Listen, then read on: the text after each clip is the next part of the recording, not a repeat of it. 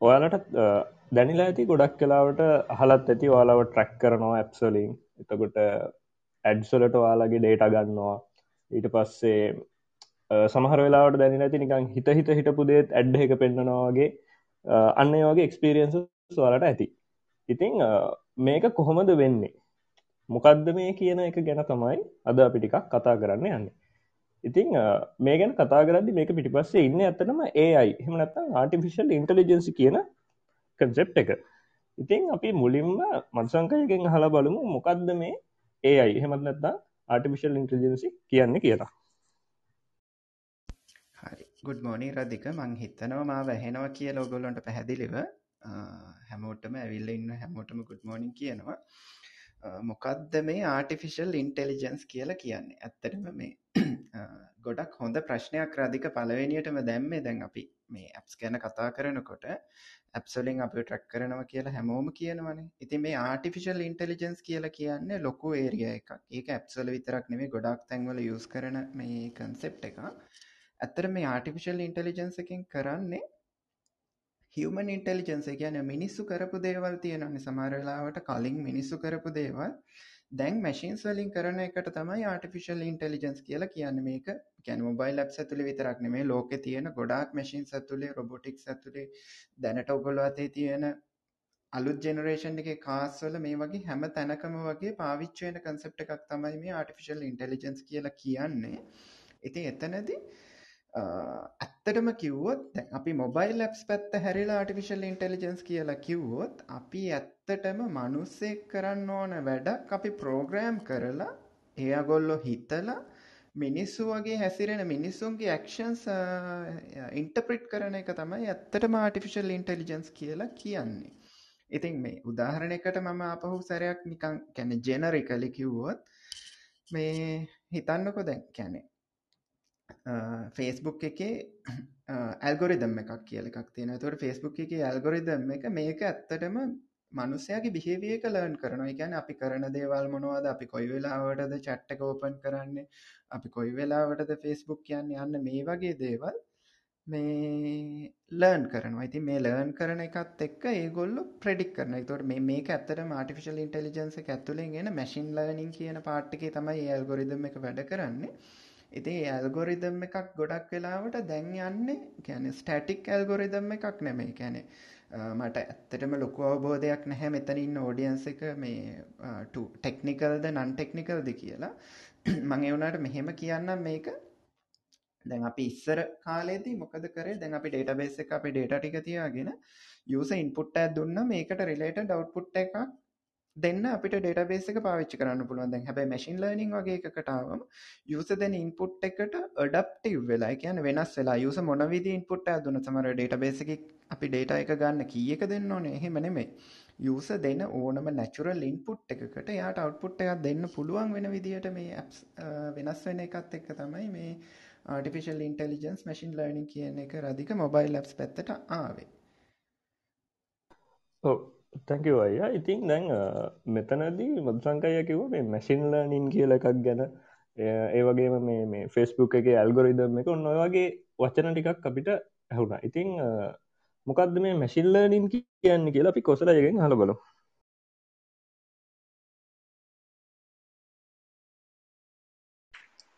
ඕලදිට good මෝනිින් හැමෝන්ටම මේ මේ topic එක ටිකක් රෝඩ් ටොපික් එකක් ඒ කියන්නේ සෑහෙන පැති ගොඩක් තියෙනවා. ඉතින් අපි පුළුවන් තරම් try කරමු මේකේ තියෙන කොටස් ටික පොඩ්ඩක් සරලව කතා කරන්න. සාමාන්‍යයෙන් දැන් අර මසංකයි වගේ මේ ආර්ටිෆිෂල් ඉන්ටෙලිජන්ස් කියන එක ගොඩක් ඉන්ඩස්ට්‍රි වල පාවිච්චි වෙන දෙයක්. එතකොට මේක ඉන්ඩස්ට්‍රිකට අදාළ නොවී මොබයිල් ඇප් පැත්තට එනකොට මෙතෙන්දී මේ AI කියන එක එක සබ්සෙට් එකක් තමයි මැෂින් ලර්නින් කියන්නේ සහ ඒකෙත් එක සබ්සෙට් එකක් තමයි ඩීප් ලර්නින් කියලා කියන්නේ. ඒකට මෙතෙන්දී මැෂින් ලර්නින් වලදී වෙන්නේ ගොඩක් වෙලාවට අපි ගාව තියෙන data set එකක් එයා ගොඩක් වෙලාවට අරගෙන ඒ data set එක හරහා ට්‍රේන් වෙන එක. හැබැයි මේකෙත් කොටස් කීපයක් තියෙනවා. අපි කියනවා ඔය සුපර්වයිස් ලර්නින් කියලා සුපර්වයිස් ලර්නින් කියලා කියන්නේ බේසිකලි ඔයා ගාව තියෙන data set එකක් අරගෙන ඒ data set එක දිහා බලලා ඒකේ පැටර්න් සංග්‍රහගෙන කරන එක. ඉතින් මේකට තියෙනවා classifications සහ regressions කියලා mechanisms දෙකක්.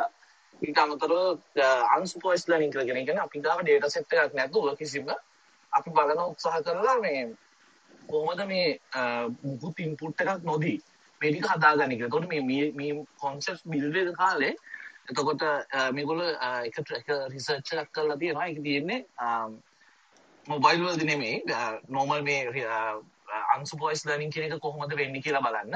එයාලා පොඩි රොබෝ කෙනෙක් හදලා බේසික් හියුමනොයිඩ් ටයිප් එකේ ප්‍රොටෝටයිප් එකක් හදලා මේ රොබෝට මුකුත් ඉන්පුට්ස් දෙන්නේ නැතුව එයාට ඇවිදින්න විදිහ කමාන්ඩ් කරනවා.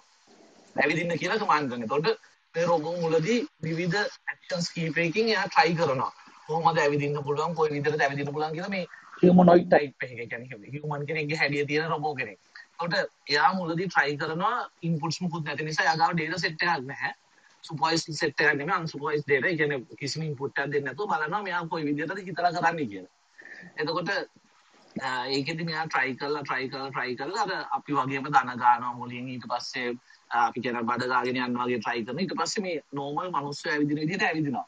يعني සාමාන්‍ය efficiently අපි ඇවිදින විදිහ මනුස්ස රූපයකට සාපේක්ෂව අපි ඇවිදින විදිය තමයි අර හරි විදිය කියලා එයා අයිඩෙන්ටිෆයි කරගන්න. ඉතින් මේ වගේ ටෙස්ට් ගොඩක් කරලා තියෙනවා. ඊට අමතරව මේ මැෂින් ලර්නින් කියන කොන්සෙප්ට් එක පාවිච්චි කරලා කරලා තියෙනවා ලෝකයේ අද වෙනකොට. ඒ කියන්නේ ගොඩක් අමාරු දෙයක් තමයි සෙන්ටිමන්ට් ඇනලිසිස් කියන එක. ඒ කියන්නේ සාමාන්‍යයෙන් ගත්තොත් මිනිස්සෙක්ට හිතලා ගන්න පුළුවන් ඩිසිෂන්ස් තියෙන මිනිස්සු හිතලා ගන්න ඩිසිෂන්ස් අපි කියන්නේ පොඩි ඉමෝෂනල් ඩිසිෂන්ස් කියන එක.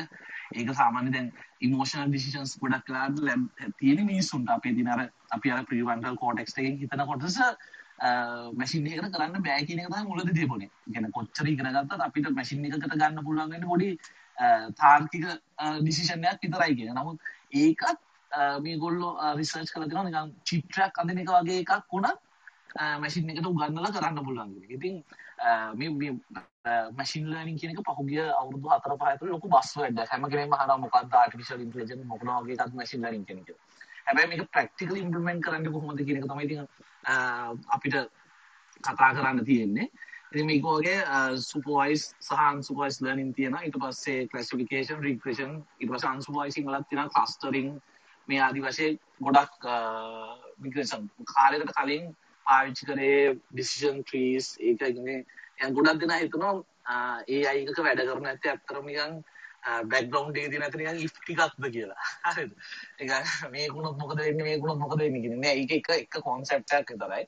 ඉතින් එතනින් එහාට ගියපු තව concepts ගොඩක් තියෙනවා. බේසිකල් අධික ඕක තමයි මැෂින් ලර්නින් වලදී වෙන්නේ. ඉතින් අපිට කරගන්න පුළුවන් ගොඩක්ම ලේසි දෙයක් තමයි අපි ගාව තියෙන data set එකක් අරගෙන train කරලා අපි කියනවා model එකක් හදා ගන්නවා කියලා. මේ model එක eventually ආපහු data එනකොට ආපහු එයා grow වෙනවා, එයා train වෙනවා. ඉතින් ඒක පාවිච්චි කරලා ඊළඟට අපේ application වල මේක implement කරන එක තමයි ML වල මොනවාද machine learning වල main concept එක තියෙන්නේ. ඉතින් මැසින් ලර්නින් කියන කතා කරද්දිම මේගොල්ලෝ ගොඩක් රිසර්චර්ස්ලට ඩෙවලපර්ස්ලට තිබ්බ ලොකුම ටාස්ක් එකක් තමයි මේ මිනිස්සු අඳුරගන්න දේවල් මිනිස්සු කතා කරන දේවල් කොහොමද කම්පියුටර් එකක් හරියට මේක තේරුම් ගන්න කියන එක. ඒ කියන්නේ අපි හිතමු අපි සාමාන්‍යයෙන් කතා බහ කරන විදිහ. එතකොට අපි කියන්නේ natural language කියන එක. එතකොට මේව එහෙම සාමාන්‍යයෙන් කම්පියුටර් එකකට තේරුම් ගන්න බෑ. ඊට පස්සේ අපි රූපයක් දැකලා අපි අඳුරගන්න එක. අපි හිතමු අපි සමාලන්න ෆොටෝ එකක් දැක්කම ඒක බල්ලෙක්ද පුසෙක්ද කියලා කියන්න පුළුවන්. අපිට ෆොටෝ එකක් දැක්කම මේ මොකක්ද කියලා කියන්න පුළුවන්. අපිට කෙනෙක්ව දැක්කම මේ කවුද කියලා කියන්න පුළුවන් මූණ මතක තියාගෙන. හැබැයි කම්පියුටර් එකට ඒ කෙනා කවුද කියන එක දැන් ඔයගොල්ලෝ normal development කරන වෙලාවදී අය mobile application එකක් ඒවා back end application එකක් ඒවා develop කරද්දී අපිට අපි තියාගන්නේ අදාළ දේ identify කරගන්න මොකක් හරි ID එකක් unique ID එකක් හැබැයි මිනිස්සෙක් identify කරගන්න ගොඩක් වෙලාවට අපි දැක්කහම එයාගේ පෙනුමෙන් තමයි අපිට මතක් වෙන්නේ. ඒකට මේ ගැන මිනිස්සු රිසර්ච් කරලා මේ natural language processing ඊට පස්සේ visions කොහොමද වැඩ කරන්නේ අපි දකින්න එක කොහොමද දැන් මිනිස්සු නම් දැක්කහම මේ අහවලා කියලා මතක තියාගෙන ඉඳලා අඳුර ගන්නවානේ. ඒකට ඒක කොහොමද කම්පියුටර් එකට එනකොට මේක කරන්නේ කියලා. ඉතින් ඒකට visions පැත්ත පාවිච්චි කරා. ඉතින් අතීතයේදී ගොඩක් පාවිච්චි කරා ඔය open CV වගේ ටෙක්නොලොජිස්. නමුත් දැන් වෙනකොට vision වලට ගොඩක් ෆ්‍රේම්වර්ක්ස් තියෙනවා. ඉතින් මේක මොබයිල් පැත්තනට අපි iOS වලදි පාවිච්චි කරන OML සහ විෂන් කියන විෂන් ML කියන ෆ්‍රේම්වර්ක්ස් දෙක Android වලත් මම හිතන්නේ ඒ වගේම තියෙනවා අපි Android වල තියෙන ඔය Google ML kit එක ගැන චුට්ටක් කතා කරමු මම මසංකය චුට්ටක් Google ML ගැන කියයි මම ඊට පස්සේ OML එක පාවිච්චි කරන විදිහ සහ ඒකේ තියෙන ඇඩ්වාන්ටේජස් ගැන චුට්ටක් කියන්න හරි. තැංකෝ කෝසල. මේ මං Google එමල් කිට්ටකට එන්න කලින් තව චූටි දෙයක් ගැන කතා කරන්න ගොඩක් වෙලාවට දැන් කැනෙ මම මේක ඇන්ඩරෝයිඩ් පැත්තට අරගෙන යන්නම් කෝසල. අයිස් පැත්ත මේ කව කරයි කියන බලාපොරොත්තුවෙන්. ඕගොල්ලො නිකන් කොයි වෙලාවක් හරි දැකලා තියෙනවාද? චැට් බොට්ලා එකන් චැට් බොට් කියන කන්සෙප්ට අපි දැකලා තියෙනවාන. චැට් බොට් කියන කන්සෙප්ට එක ඇත්තටම හැදෙන්නේ කැනෙ අපි චැට් කරනකොට ඒකට අදාළව බොට් කෙනෙක් ඉඳගෙන යා රිප්ලයි කරන ඉතින් එතකොට මේක ගොඩක් වෙලාවට කස්ටම සර්විසස් වලදීම අපිට වාතයක් වෙන්න තරමට එකැන් ම දැකලා තියෙනවා මම ඇඩමින් ඉන්න සමහර ෆස්බුක් පේජස් වලද මේ බොට් එපා මිනිස් මනුස්සේත් දෙන්න කියලා මිනිස්සු මැසේජ් ජවන තරමට මේ චැට්බොට් සමහර වෙලාවට ඇත්තරම් වාත වෙනවා. හැබැයි ගොඩක් වෙලාවට ඕකොල්ල දන්නවනම් ඩයලොක් ෆ්ලෝ කියලා ටූල් එකක් තියෙන එක ඇතනම Googleලත් එක එකට යන ටූල් එකක්. මට පේනවා පහල චවික ඉන්නවා. මේ චවික මේ ගොඩක් හොඳට දන්න චැට්බොට් ගැන්න චවික මොනොහරි මේ මං අපි මිස්කරෝතින් අනිවාරෙන් උඩටෙන් අපි බලාපොරොත්තුවෙන ඔය උඩටයි වගේ නොලෙජ්ජක ෂය කරගනී අපිත් එක කියලා. ඉතින් මේ ඩයිලොක් ෆ්ලෝ එකේදී ඇත්තටම අපිට පුළුවන් චැට්බොට් කෙනෙක් හදන්න. එකන සොරි යසගේ මට විනාඩියොත් දෙන්න.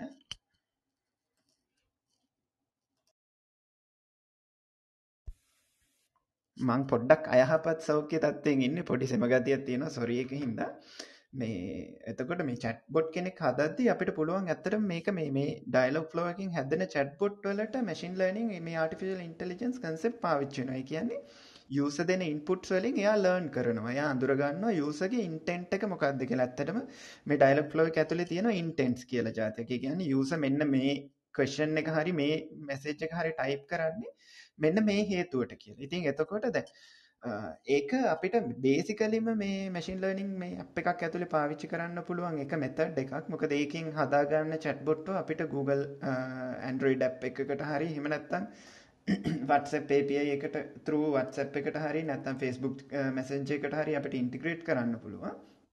ඉතින් ඒක එක කන්සෙප්ට් එකක්. ඇත්තට මේක ගොඩක් වෙලාවට යන්නේ මේ Uh, නැචුරල් ලැංවේජ් එක ගැන් ලැංවේජ් ප්‍රසසිං පැත්තෙන් තමයි ඩයිලොක් ෆලෝ කියන කියන්නේ ඊළඟට මේ uh, Google එමල් කිට් එක කියන එකේදී දැන් කෝසල් ඉස්සරලා සඳහන් කරා මනුස්සයොන්ට කරන්න බැරි දේවල් පුළුවන් දේවල් කොහොමද මේ මැෂින්ස් කරන්න කියන එක. එතකොට දැන් Google එමල් කිට් එක ඇතුලේ අපිට තියෙන ඇත්තටම ප්‍රී ට්‍රේන් කරපු මේ මොඩල්ස් ගැන අපි පස්සේ තව චුට්ටකින් කතා කරමු මොනවද මේ මොඩල්ස් කියන්නේ කියලා.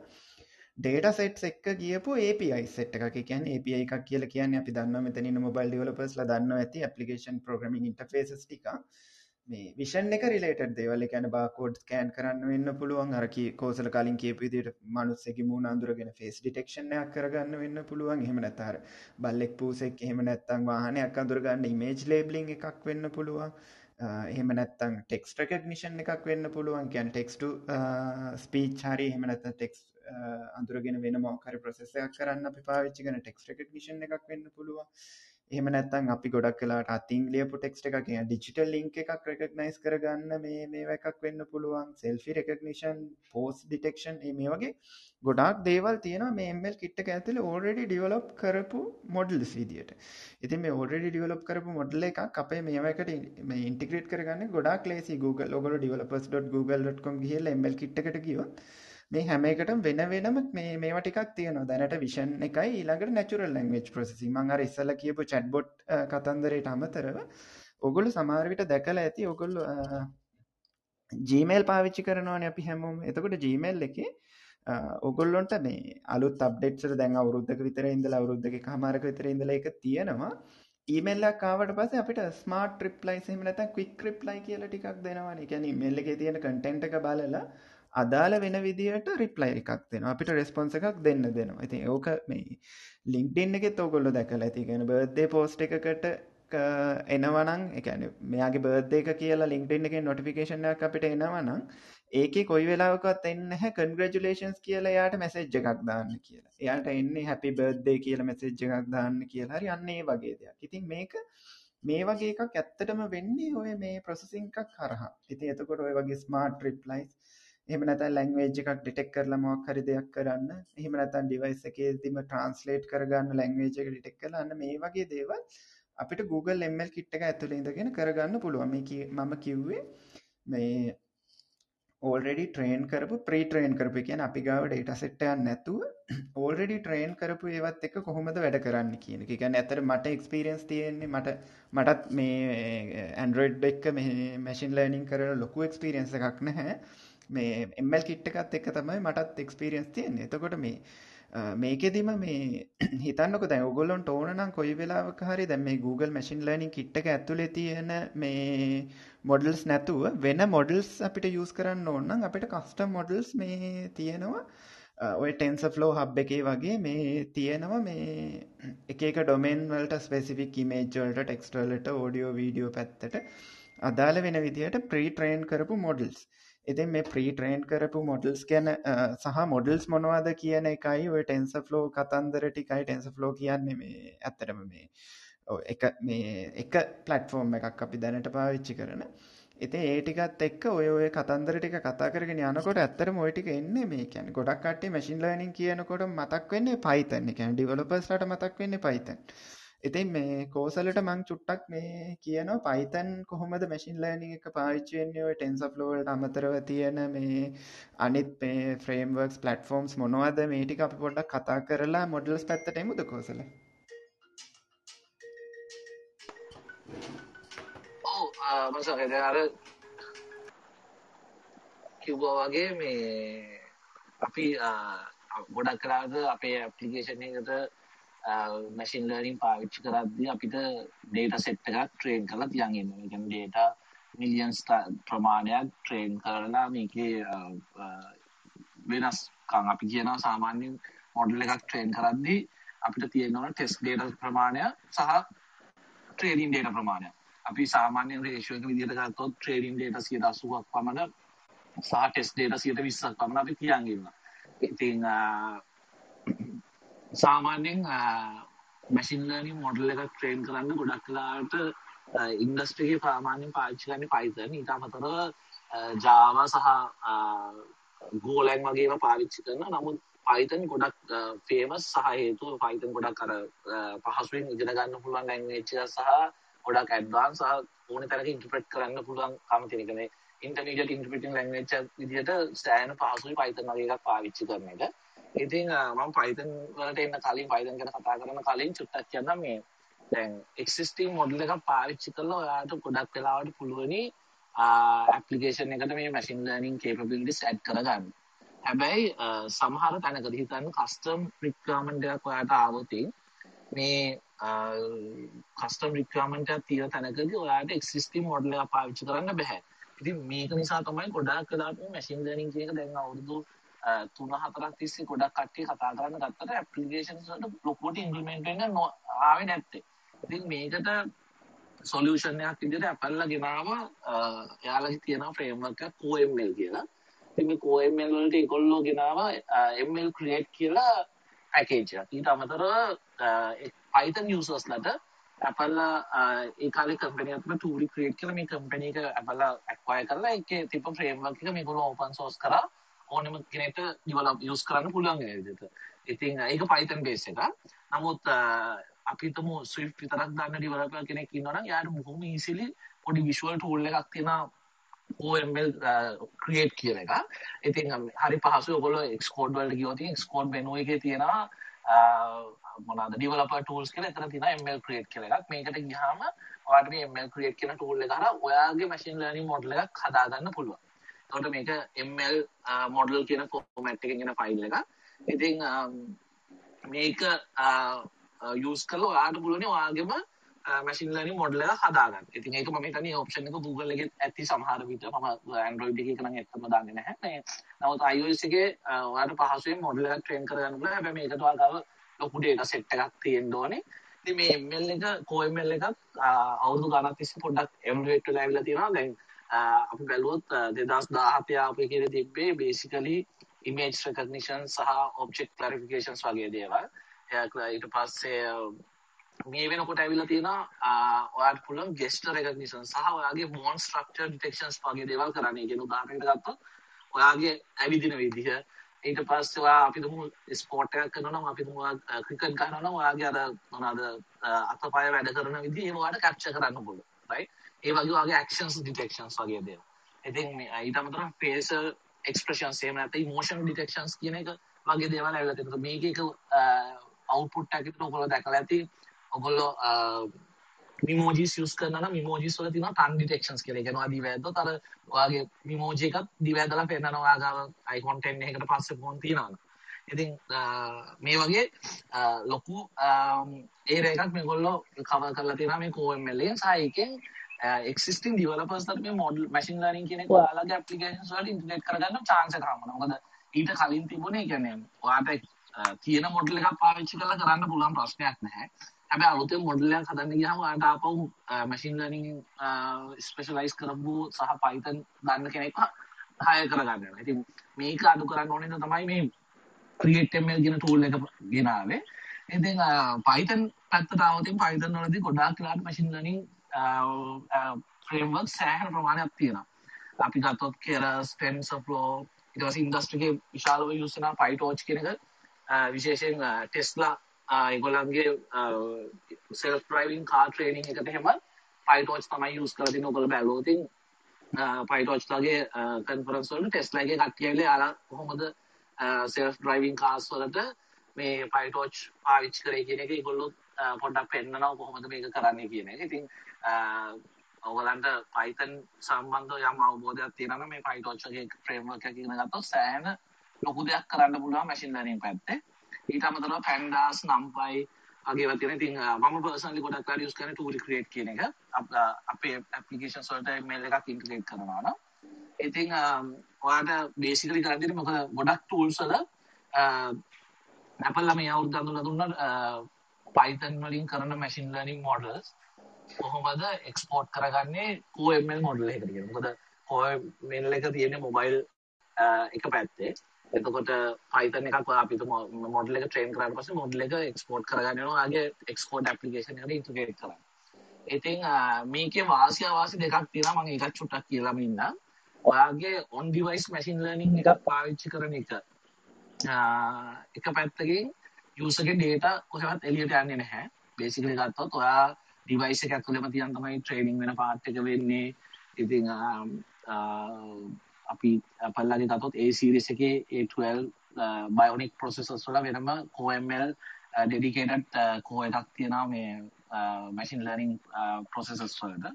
ඉතින් මේක නිසා ඩිවයිස් එක පැත්තෙන් කරන්නේ performance පැත්ත හොඳයි. ඊට අමතරව ඔයාගේ privacy පැත්ත හොඳයි. මොකද ඔයාගේ data කොහොමද එළියට යන්නේ අපි තුමු image classification එකක් කියලා ඔයා ගන්න ෆොටෝස් වලින් තමයි train වෙන්නේ. Right එතකොට ඉන්ටර්නෙට් කනෙක්ෂන් එක නැතුණත් පාවිච්චි කරන්න පුළුවන් ප්‍රශ්නයක් නැහැ.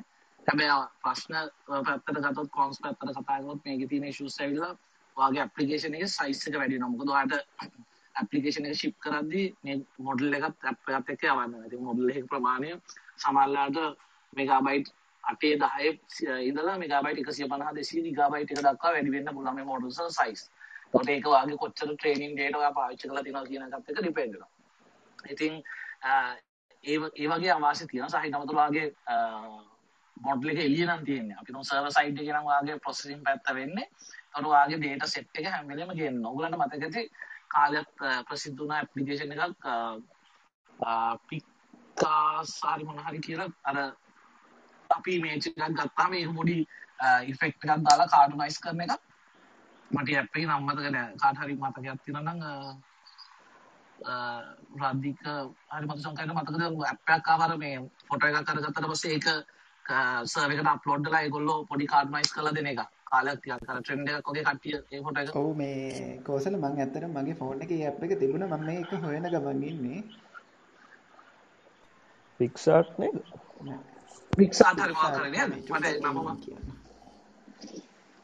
කොහොමද ඒක ටිකක් අර ට්‍රෙන්ඩින් ආපු එකක් හැබැයි ඒගොල්ලොන්ගෙන ඒක ට්‍රෙන්ඩි උනේ ඒගොල්ලෝ සර්වර් සයිඩ් එකේ තමයි ප්‍රොසෙසින් පාර්ට් එක කරන්නේ. ඔයා මොබයිල් ඇප්ලිකේෂන් එකෙන් ඉමේජ් එක ගත්තොත් ඒ ඉමේජ් එක සර්වර් සයිඩ් එකට යවලා එතනින් ට්‍රේන් කරන්නේ මොකද එතන ආ ප්‍රිස්මා ප්‍රිස්මා යස් ප්‍රිස්මා ප්‍රිස්මා ඇප් එක. ඉතින් අර ඒ වගේ එතකොට ඔයාට සමහර තැන්වලදී ඔන් ඩිවයිස් යූස් කරන්න පුළුවන් සමහර තැන්වලදී සර්වර් සයිඩ් කරන්න පුළුවන්. එතකොට ඒක ඔයාගේ ඇප්ලිකේෂන් එකේ හැටියට වෙනස් වෙනවා. එතකොට මේකෙත් කලබොරේටිව් ලර්නින් වගේ දේවල් තියෙනවා. දැන් උදාහරණයක් ගත්තොත් Tesla of self driving cars වගේ ගත්තොත් ඉතින් ඒකෙදි වෙන්නේ අ, එක කා එකක් ඩ්‍රයිව් කරන් යද්දී එයා ගන්න ඩේටා එයාට හම්බෙන ඉමේජස් ඒ දේවල් එයා ඩිවයිස් එක ඇතුලේ සෙන්ස් කරන අතර ඒව ෂෙයා කරනවා අ, අනිත් අ, එයාලගේ සර්වර් එකට ගියාම එතකොට එතෙන්දී අ, අනිත් හැම කායකකින් වෙන. එතකොට හිතන්න විකිනිලා තියෙන හැම කායකකින් වෙන data set එක එක තැනක train වෙනකොට ඒ මේක ආපහු share වෙනවා හැමෝම අතර. එතකොට අ, මේකෙන් අර collaborative learning එකේදී හැම devices හැම තැනම තියෙන devices වලින් ගන්න data separately process වෙන අතර ඊට පස්සේ හැමෝටමත් ඒ data ටික ආපහු distribute කරන learn වෙච්ච model එක. ඉතින් මේක මේ වගේ කියන්නේ මේ data තමයි අ, මෙතෙන්දී ඇත්තටම වැදගත් වෙනවා. ගාව සෑහෙන ලොකු data set එකක් තියෙනවා මේකේ accuracy එක හරියන්න නම්. ඒ කියන්නේ ඔයාට ඔබ්ජෙක්ට් එකක් ඩිටෙක්ට් වෙන එකක වුණත් accuracy එක ගොඩක් වැදගත් වෙනවා නම් ඔයා ගාව ගොඩාක් data තියෙනවා. ඉතින් අර සමහර ලංකාවේමත් කම්පැනිස් කීපයක් ඉන්නවා මෙතන ඒගොල්ලොත් ඔය data tracking පැත්ත කරනවා. ඒ කියන්නේ අ, ML training වලට අදාළ data track කිරීම වගේ දේවල්. ඒ කියන්නේ ඔයාට basically තියෙන image එකක් ආව image එකේ අපි දුන්න number plate එක ගන්න number plate එක උඩ click කරා ඒක mark කරලා යවන්න. ඉතින් මේ කරන්නේ අර ඔයාගේ ML එකකට train කරන්න අවශ්‍ය data set එකක් හදන එක. ඉතින් අ, මේක අර ඔයාට පයිතන් වගේ ලැංග්වේජ් එක ගැන අයිඩියා එකක් තියෙනවා නම් අ, ඉගෙන ගන්න ආසාවක් තියෙනවා මම හිතන්නේ මැෂින් ලර්නින් කියන්නේ පයිතන් වල තියෙන ඉතාම ලස්සන කොටස.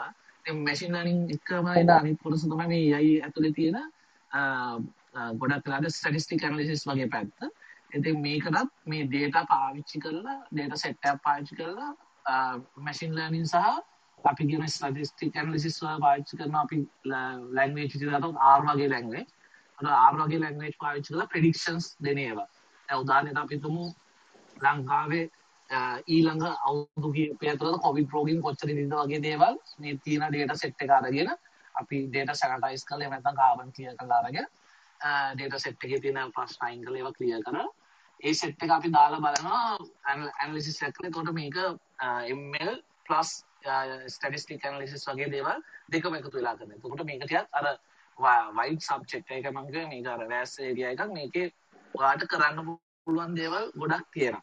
ඒකට මොබයිල් පැත්තේදී ඔයාට ලොකු ප්‍රොසෙසින් යන දේවල් තියෙනවා නම් ඒව ගොඩක් හොඳ සර්වර් සයිඩ් කරන උදා විශේෂයෙන් මම හිතන්නේ Android වල දිහම නම් ඒක ගොඩක් හොඳ වෙයි මොකද හැමෝම ගාව තියෙන devices එකකට එකක් වෙනස් නිසා ඔයාට ටාගට් කරන්න අමාරුයිනේ. එතකොට සමහරවිට සර්වර් සයිඩ් එකේ මොඩල් එක තියාගත්තා නම් හොඳ වෙයි. ඉතින් බේසිකලි ඔය Python frameworks පාවිච්චි කරන ඔයාලට පටන් ගන්න පහසුම framework එකක් තමයි pandas එක. ඉතින් මේකට කරන්න තියෙන්නේ ඔයගොල්ලෝ Python කරනවා නම් Python වලදී අ, අපි කියන environment එකක් create කරගන්න ඕනේ. machine learning වලදී ගොඩක් වෙලාට අපි use කරන Anaconda කියන අප එක කොන්ඩා එකක් install කරගෙන කොන්ඩා environment එකක් දාගත්තා. ඊට පස්සේ ඔයාලට කරන්න තියෙන්නේ පොඩි වෙබ් ටූල් එකක් තියෙනවා ජුපිටර් බුක් කියලා. ජුපිටර් බුක් එක දාගත්තට පස්සේ ඔයාලට මේ pandas training try කරලා බලන්න පුළුවන්. එතෙන්ද ඔයාලට text data අවශ්‍ය නම් CSV විදිහට අරගෙන කරන්න පුළුවන්. ඊට පස්සේ image තියෙනවා නම් image set එකක් අරගෙන training data වෙනමයි testing data වෙනමයි දාලා try out කරලා බලන්න පුළුවන්. උදාහරණයකට අ, මම අ, මේ දවස්වල කරන ප්‍රොජෙක්ට් එකක් basically අර අ, අපි තුමු අපේ ඉන්න කට්ටියගේ ෆොටෝස් ඔක්කොම අපි දාලා තියෙන සෝෂල් මීඩියා ෆොටෝස් එහෙම අපි නිකන් අරගෙන දාලා මම පොඩි එක්ස්පෙරිමන්ට් එකක් කරලා තියෙනවා. ඉතින් යූසර්ස් ලාගේ ෆොටෝස් වෙනමයි. එයාලගේ ෆොටෝ ට්‍රේනින් ටෙස්ටිං වෙනම කරලා. එතකොට මම කැමරා එක ඔන් කරාම කාන්ටි කෙනාව ඩිටෙක්ට් කරලා එයාගේ ෆොටෝ එකයි එයාගේ සොරි එයාගේ මේ ඩීටේල්ස් ටික පැත්තෙන් පෙන්වන්න රියල් ටයිම් කැමරා එකකින් එන ඩේටා අරගෙන. ඉතින් අ, ඒක මේ ට්‍රේනින් ඩේටාස් එක තමයි ගොඩක් වෙලාට මේවා වෙනස් වෙන්නේ. ඉතින් කොන්සෙප්ට්ස් ඔයාලට ගොඩක් මේක ඇතුලේ හදා ගන්න පුළුවන් ඔයාගේ ඇප්ලිකේෂන් වලට ඉන්ටග්‍රේට් කරන්න. එතකොට මොබයිල් ඇප්ලිකේෂන් එකකට ඉන්ටග්‍රේට් කරන්න පුළුවන් විදි මොනවද කියන එක අපි කතා කරමු. Um, එහෙම තමයි මම සංගය අපිට පාවිච්චි කරන්න උනන්නේ Python පැත්ත මොබයිල් ඇප්ලිකේෂන් වල. කෝසල එතන්ති අර මේ කෝML එකත් එක්ක යන ඇන්ඩරෝයිඩ් එක එකක් ඇත්තට මෙහෙමර දැන් අපල්ලාගේ මේ ඔපරටින් සිිස්ටම් එක තියෙනවනේ අපේ මැක්කෝස් එක ඒ වගේ ඇන්ඩරෝයිඩ්ලට එහෙම මේවා එකක් නැති නිසා ඒගොල්ලොය ටෙන්ස ෆ්ලෝ එක ලයිට් කියල වර්ෂන් එකක් දුන්න. ඇන්ඩරෝයිඩ්ඩල්ට මොඩල් ස්ට්‍රේන් කරගන්න. ඕගොල්ලො Google සර්ච් කරොත් ටෙන්ස ෆ්ලෝ ලයිට් මොඩල් මේක කියලා ඔගොල්ලොන්ට මේ ටෙන්ස ෆ්ලෝ සයිට් එක මේ ටෙන්ස ෆ්ලෝ.වාර්ජ එකින් අපිට පුළුවන් ඇතට මේ විදිහට අපේම මොඩල් එකක් මේක් කරගන්න. එතනද මේ එයා සපෝට් කරන ටාස්ක් කීපයක් තියෙන යා කියන ගොඩක් ටාස්කවලට සපෝට් කරන්න හැ බට් කෝසල කියපු විදිට අර දැන් ඉමේජ් මේ අයිඩෙන්ටිෆයි කරගන්න වගේ අප එකක් ඇත්තරම හදාගන්න ඕන ඉමේජ් කලසිෆිකේෂන් මේ එකට එයා සපෝට් කරනවා. ඒ වගේ මෙයා ඔබ්ජෙක්් ඩිටෙක්ෂන් ටෙක්ස් කලසිෆිකේෂන් එතකට ඔය බර්ට් කෂන් ආන්සරිං වගේ කියන්න නැචර නිවරෝ ලැංවේ නිවරෝ පැත්තට සපෝට් කරනවා. ඒ වගේ ඕඩියෝ කලසිෆිකේෂන් uh, මේ වගේ ටස්ක් කීප එකට සපෝට් කරන අපිට මොඩල් එකක් හදාගන්න මේ ඇන්ඩරෝයිඩ් වලටනං ස්පෙසිෆිකලි මේ uh, ටෙන්සෆල ලයිට් කියන එක පාවිච්චි කරන්න පුළුවන්. සහ මේ මේක තියෙන වාසේ තමයි දෙම ටෙන්සෆල ලයිට්කින් අපිට මොඩල එකක් හැදුවට පස්සේ අපිට මේක ඇන්ඩරෝයිඩ් වලදී iOS වලදී මේ දෙකේදිම පාවිච්චි කරගන්න පුළුවන්කම තියෙනවා. ඉතින් ඒටික තමයි මේ ඇත්තටම එකැන අර මේවා ගැන කතා කරදදි කියන්න තියෙන්නේ. තේතකොට මේ මේ හැම තැනදි මාවන මේ මොඩල් මොඩල් මොඩල් කියල කතාවක්. ඉති මේ මොඩල් එකක් කියන්න මොකක්ද කියලා මම චුට්ටක් මේ බ්‍රීෆ්ලි එක්ස්පලේන් කරලා මේ කෝසල මේ වෙලාවේ වෙද්දි මේ කෝසලගේ මොඩල එකක් ට්‍රේන් කරගෙන ඉන්න හිද අපි ඒක ගැනත් කතා කරන්න ඉස්සරහට යමු. මේ දැන් ඇත්තට මොඩල් එකක් කියලා කිව්වම මොඩල් එකක් කියලා කියන්නේ දැන් මොකක් හරි වැඩක් කරන්න දුන්නට පස්සේ සාම්පල් ඩේටා වලින් එයා ඒ වැඩේ කරන විදිහ ඉගෙන ගන්න අපි යූස් කරන මේව එකක් තමයි මේ මොඩල් එක කියලා කියන්නේ. ඒකට කෝසලගේ කතාවේදී කෝසල කිව්වා ඉස්සෙල්ලා මොඩල් එකක් තියෙනවා ටෙස්ට් ඩේටා තියෙනවා. මොඩල් එකට ඕන කරන ඩේටා තියෙනවා ටෙස්ට් ඩේටා තියෙනවා කියලා. ඉතින් මේ මොඩල් එකට ඕන කරන ඩේටා ගොඩක් වෙලාවට අපිට පුළුවන් එක්කෝ අපේ එකෙන්ම දෙන්න කියන අපේ අපේ ඩිවයිස් එකෙන්ම අරගෙන අපිට මේ ෆීඩ් කරන්න පුළුවන් මේ මොඩල් එකට මේ මේ ඩේට ටික පාවිච්චි කරලා ඉගෙන ගන්න කිය එතනද මේ දැන් ඔය කැන ගොඩක් කලාවට කෝML එකේදි හරි Google එML කිට් එකේදි වගේ සමහර ට්‍රේන් කරපු මොඩල්ස් තියෙනවා. ඒ මොඩල්ස් වලට ට්‍රේන් කරන ඩේට සෙට් එකක් තියෙනවා. දැන් කෝසල කියපු විදිහට අපේ ඩේට සෙට් එකක් දාලා සමහරලාට ට්‍රේන් කරාට පස්සේ අපේ කට්ටිය අඳුර ගන්න පුළුවන්. නිකන් හිතන්නක ෆොරන් එක්සම්පල් අපි දැන් අඳුරගන්න හදනවා මෙයාගේ මූුණ බලල එයාගේ වයස වගේ ඩිටෙක් කරගන්න එකකදි සමහර වෙලාවට නැත්තන් එයාගේ ස්මයිල්ස් එයාගේ පේසකේ තියෙන මේ මූඩ් එක වගේ ඩිටෙක් කරගන්න තැනකදී අපි සෞතේෂන් කන්ට්‍රිය එක ඩේට සෙට් එකට මේක ට්‍රේන් කරෝතින් සමහර වෙලාවට යුරෝප් කන්ට්‍රිය එකකද මේ ඩේට හරියටම වැඩ කරන්න ඇති ඉතින් එතකොට අර ට්‍රේන් කරන ඩේට සෙට් එක ගැනත් අපි චුට්ටක් මේ සැලකිලිමත් වෙන්න ඕන. අපි මොඩල් එකක් ට්‍රේන් කර ගන්න වනන් අපේ වැඩකට මොකද මොබයිල් අප් එකකදී ඔගොල්ලෝ දැ ටාගට් කරන රීජන් එක හරි ඒ වගේ එකක ඩේට සෙට් එකකින් ට්‍රේන් කරනවන මේ එෆෙක්ටව වේ කියලා මතක් කරන්න ඕනේ. එතකට ගොඩක් කලාවට අර මොඩල් එක ට්‍රේන් කරද බේසිකලි වෙන්න ඕන මොනවද කියලා මං කියලා මේ මොඩල්ස් ටයිප්ස් ටික ගැන කතා කරන්න කෝසලටම පොඩි චාන්සයක් දෙන්න අපිට ඕන වෙන ඉන්පුට් ඩේට ටික. කියන්න දැ ඉමේජස් නං දැන් අපේ කට්ටිය වඳුරගන්න නං අපිට අපේ කට්ටේ ෆොටෝස් ටික දාගන්න වෙනවා ඉතින් මේ මේකට තමයි අපි අත්තරම ඉන්පුට් ඩේට සෝස් කියලා කියන තුර මේ ඉන්පුට් ඩේට සෝස එක දාද්දි ඇත්තරම ටිකක් මෙතනද මේ සැලකිලිමත් වෙන්න ඕන. අපේ මේ ඉන්පුට් ඩේට ඩේට කියන්න ඇත්තටම මේ ගොඩක් සෙන්සිටව් දෙයක්නේ. ඉතින් මේ ඩේට කොහෙද මේවා ස්ටෝ වෙන්නේ? මේ වගේ ගන්න ඩේට වලින් මේ යන්න දේවල් එක ඇත්තරම මේ කාටරි හාම එකක් වෙන්න පුළුවන් නො හාම එකක් නොවන විදිහට අපි දැනගන්න ඕන මේ ඩේට කොහොමද ස්ටෝ කොහෙද ස්ටෝ වෙන්න කියලකැන් මොඩල් එකක් මේ ට්‍රේන් කරන්න යුස් කරන ඩේට තියෙනවන අපි බලන්න ඕනේ වගේ දේවලුත් පොට්ට ඉති එතකොට එකන ඒ ඩේට සෙට්කට ගේන්ස් අපි දැන් ගොඩක් කලාවට තියෙනවා මොක්කරි මේ මේ මැසින් ලනිින් ඇල්ගොරිදම එකින් ප්‍රඩික් කරන ඇට්‍රිබියුට් එක එකැන හිතන්නක අපි අපේ ෆොටෝ සෙටය දේලා අපි සමරට ඒජක ප්‍රඩික් කරන්න තොට ඒජක ප්‍රඩික් කරනවනම් එහෙම නැත්තම් මෙයා කවුද කියලා මෙයාගේ මූුණේ ෆිලිං එක මොකක්ද කියලා මෙයාගේ ජෙන්ඩ එක ඩිටෙක් කරනවන අන්න ඒ වගේ ප්‍රඩික් කරන ඩේට ඇට්‍රිබියුට් ඇතියන ගොඩක් කලාවට එතවට මේ ප්‍රඩික් කරන ඩේට ඇට්‍රිබියුට් එක්කම යන්නකොට ඔය යන කතාව මැද තියෙන ඇල්ගොරිදම් එක කියන්න කෝසල ඉස්සල්ල කිව වගේ ඉෆෙල් සෙට්ට ගත්තද මේක මෙහෙම ගියොත් මෙහෙමනම් මෙහෙම මෙහෙමනම් මෙහෙම වගේ මේ ඇල්ගොරිදම් ඇත්තින ති මේ ඇල්ගොරිදම් එකට යන පැරමීටස් ටිකක් තියෙනවා. එති මේ වගේ ඒවා තමයි ඇත්තටම මේ ඩේට සෙට් එකක් අරගෙන මොඩල් එකක් ට්‍රේන් කරති අපි පොඩ්ඩක් සැලකිලිමත් වෙන්න ඕන කරුණු. මේ ඉතින් මේකත් එක්ක මේ කෝසල එක්ස්පලේන් කරයි මොනවද මේ දැනට අපිට අපි යුස් කරන සහ යුස් කරන්න පුළුවන් මොඩල් ටයිප්ස් මොනවද කියලා කෝසල පොඩ්ඩක් කතා කරමුද? ඔහොස කිව්වාගේ මේ මොඩල් එක ට්‍රේන් කරද්දී වගේ ඩේට සෙට් එක පලනිමද තමයි කලිය කරගන්න. එමත ඩේට සැරටයිස් කරගන්න පාබන් රිමු කරගන්න ඉතා වැදගත්. මොද ඩේට සෙට් එක කලිය වෙන්ඩෝනේ මොනවා කරන්නත් කලින්. එතකොට මේක කලිය කරගන්නත් ඔයාලගේ එමල් ටූල්සර ඔප්ෂන්ස් දීලා තියෙනවා. ඔයාගේ ඩේට ගත්තර පස අපිතුම මේචස්තම් බේසිකලි තියෙන්නේ ඉමේචක රොටේට් කරන්න ෆලිප් කරන්න ෆලිප් කරගන්න ඊට මන්තර ක්‍රොප් කරගන්න අවශ්‍ය ප්‍රමාණයට ඊට පස්සේ බ්ලර් කරගන්න ෆෝකස් ජස් කරගන්න ඒ වගේ දේවල් වගේ ටූල්ස් වල තියෙන ගොඩක් කරාට පැරාමීටර්ස් විදිහට ඔප්ෂන්ස් විදිහට වාට යවන්න පුළුවන් මෙන්න මේ දේවල් කරලා බලන්න data set එක ක්ලියර් කරගනින්න කියලා.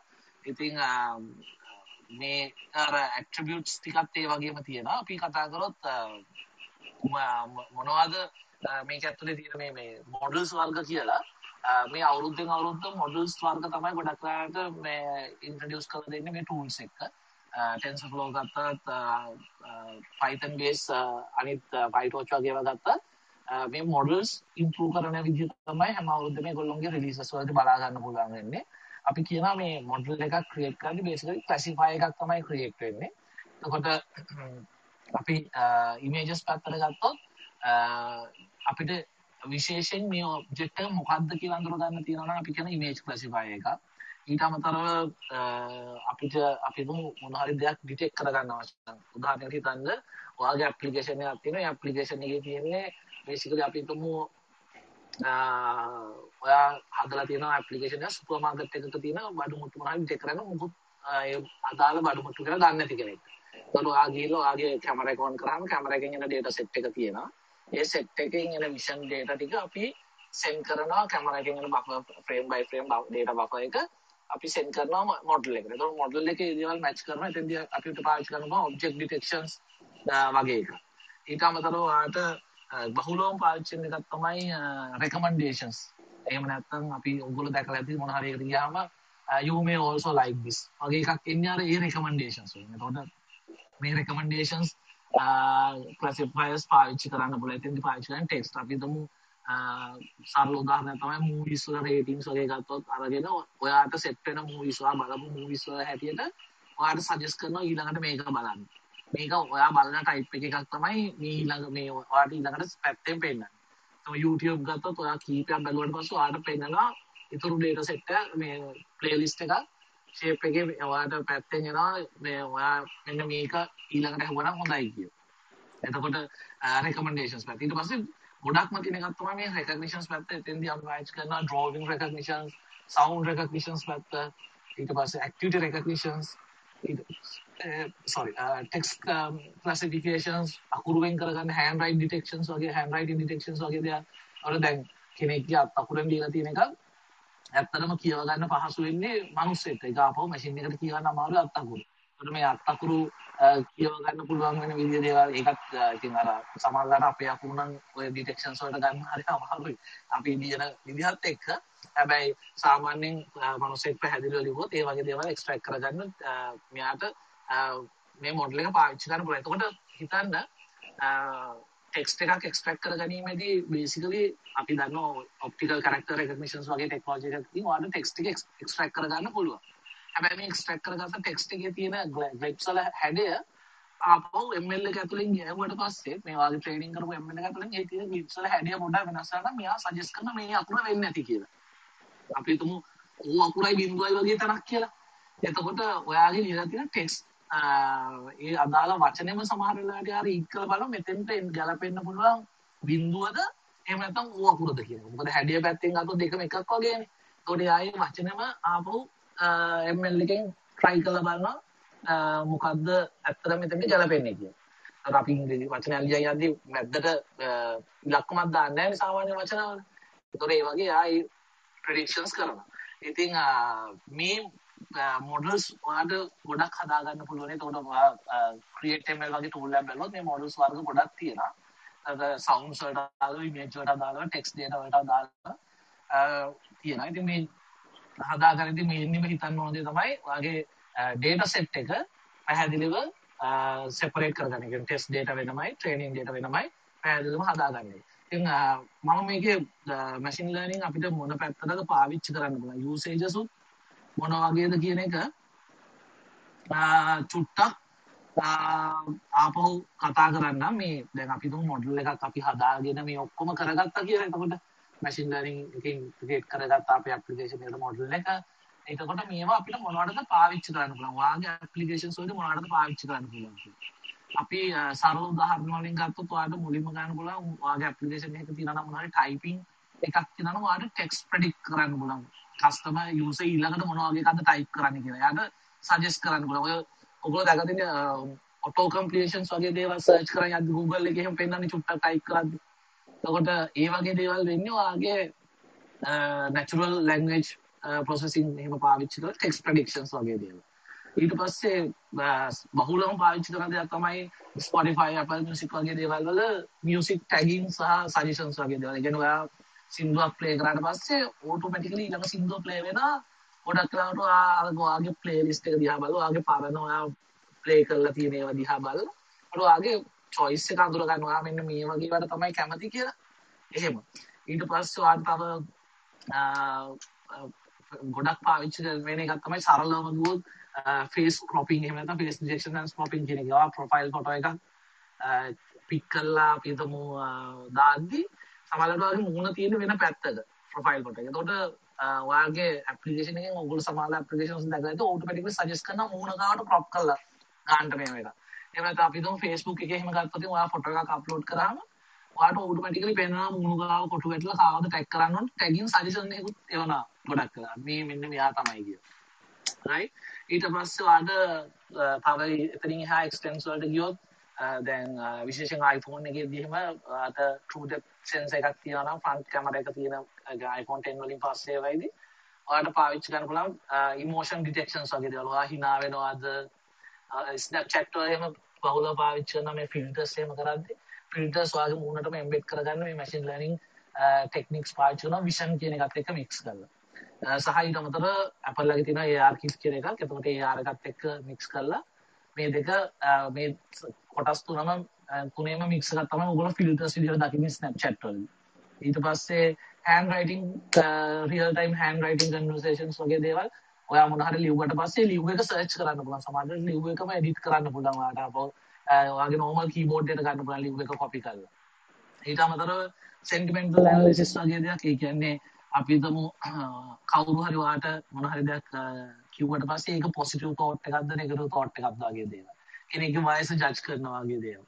right? ඒ වගේ දේවල් කරන්න පුළුවන්. ඊට අමතරව අද ඔයාගේ ඇප්ලිකේෂන් එකක් තියෙනවා නම් අපි තුමු shopping පැත්තට කෙනෙක් shopping කරාට පස්සේ ඔයාට ඔයාගේ shopping pattern එක buying pattern analyze කරලා ඔයාට එයාගේ ඇප්ලිකේෂන් එක personalize කරන්න පුළුවන්. Uber Eats ගත්තොත් Uber Eats එකේ ඔයාට පේන එක නෙමෙයි වෙන කෙනෙක්ට පේන්න මුලින් ගියාම. මොකද ඔයගොල්ලෝගේ buying patterns වෙනස් නම් home screen එක customize වෙනවා personalize වෙනවා මේ කෙනාට අදාළව. ඉතින් මෙන්න මේ වගේ ගොඩක් පැතිවලට මේ මැෂින් ලර්නින් යූස් කරන්න පුළුවන්. ඉතින් ඔයගොල්ලන්ගේ ඇප්ලිකේෂන්ස් වලට මේක ඉන්ටිග්‍රේට් කරන්න try කරන්න. සෑහෙන වෑස් ඒරියා එකක් කරන්න පුළුවන් දේවල් ගොඩක් තියෙනවා. අපිට අර ටෙක්නිකලි ඩීප්ලි මේ දේවල් පෙන්වන්න අමාරු මෙන්න මෙහෙමයි වෙන්නේ කියන එක. ඉතින් ඒකම මේ ගැන පොඩි පටන් ගන්න මං හිතනවා chance එකක් වෙයි කියලා මේ ML වලින් පටන් ගන්න. හැබැයි මැෂින් ලර්නින් වල සුපර්වයිස් ලර්නින් කියන කොටස තමයි ඔයාලට පහසුවෙන් ස්ටාර්ට් කරන්න පුළුවන් මුල් කොටසේදී. ඊට පස්සේ එතනින් හටවා යනවා අන්සුපර්වයිස් ලර්නින් පැත්තට. ඩේටා මුකුත්ම නැතුව මේක ට්‍රේන් වෙන්නේ කොහොමද? ඊට පස්සේ මේවා ස්ටැටිස්ටික් ඇනලිසිස් පැත්තට නැත්නම් ප්‍රෙඩිකේට්ස් කියලා අපි කියනවා. ප්‍රෙඩික්ෂන්ස් වගේ දේවල් වලට මේවා යූස් කරන්නේ කොහොමද? වගේ දේවල්. ඉතින් ඔයාලට try out කරලා බලන්න පුළුවන්.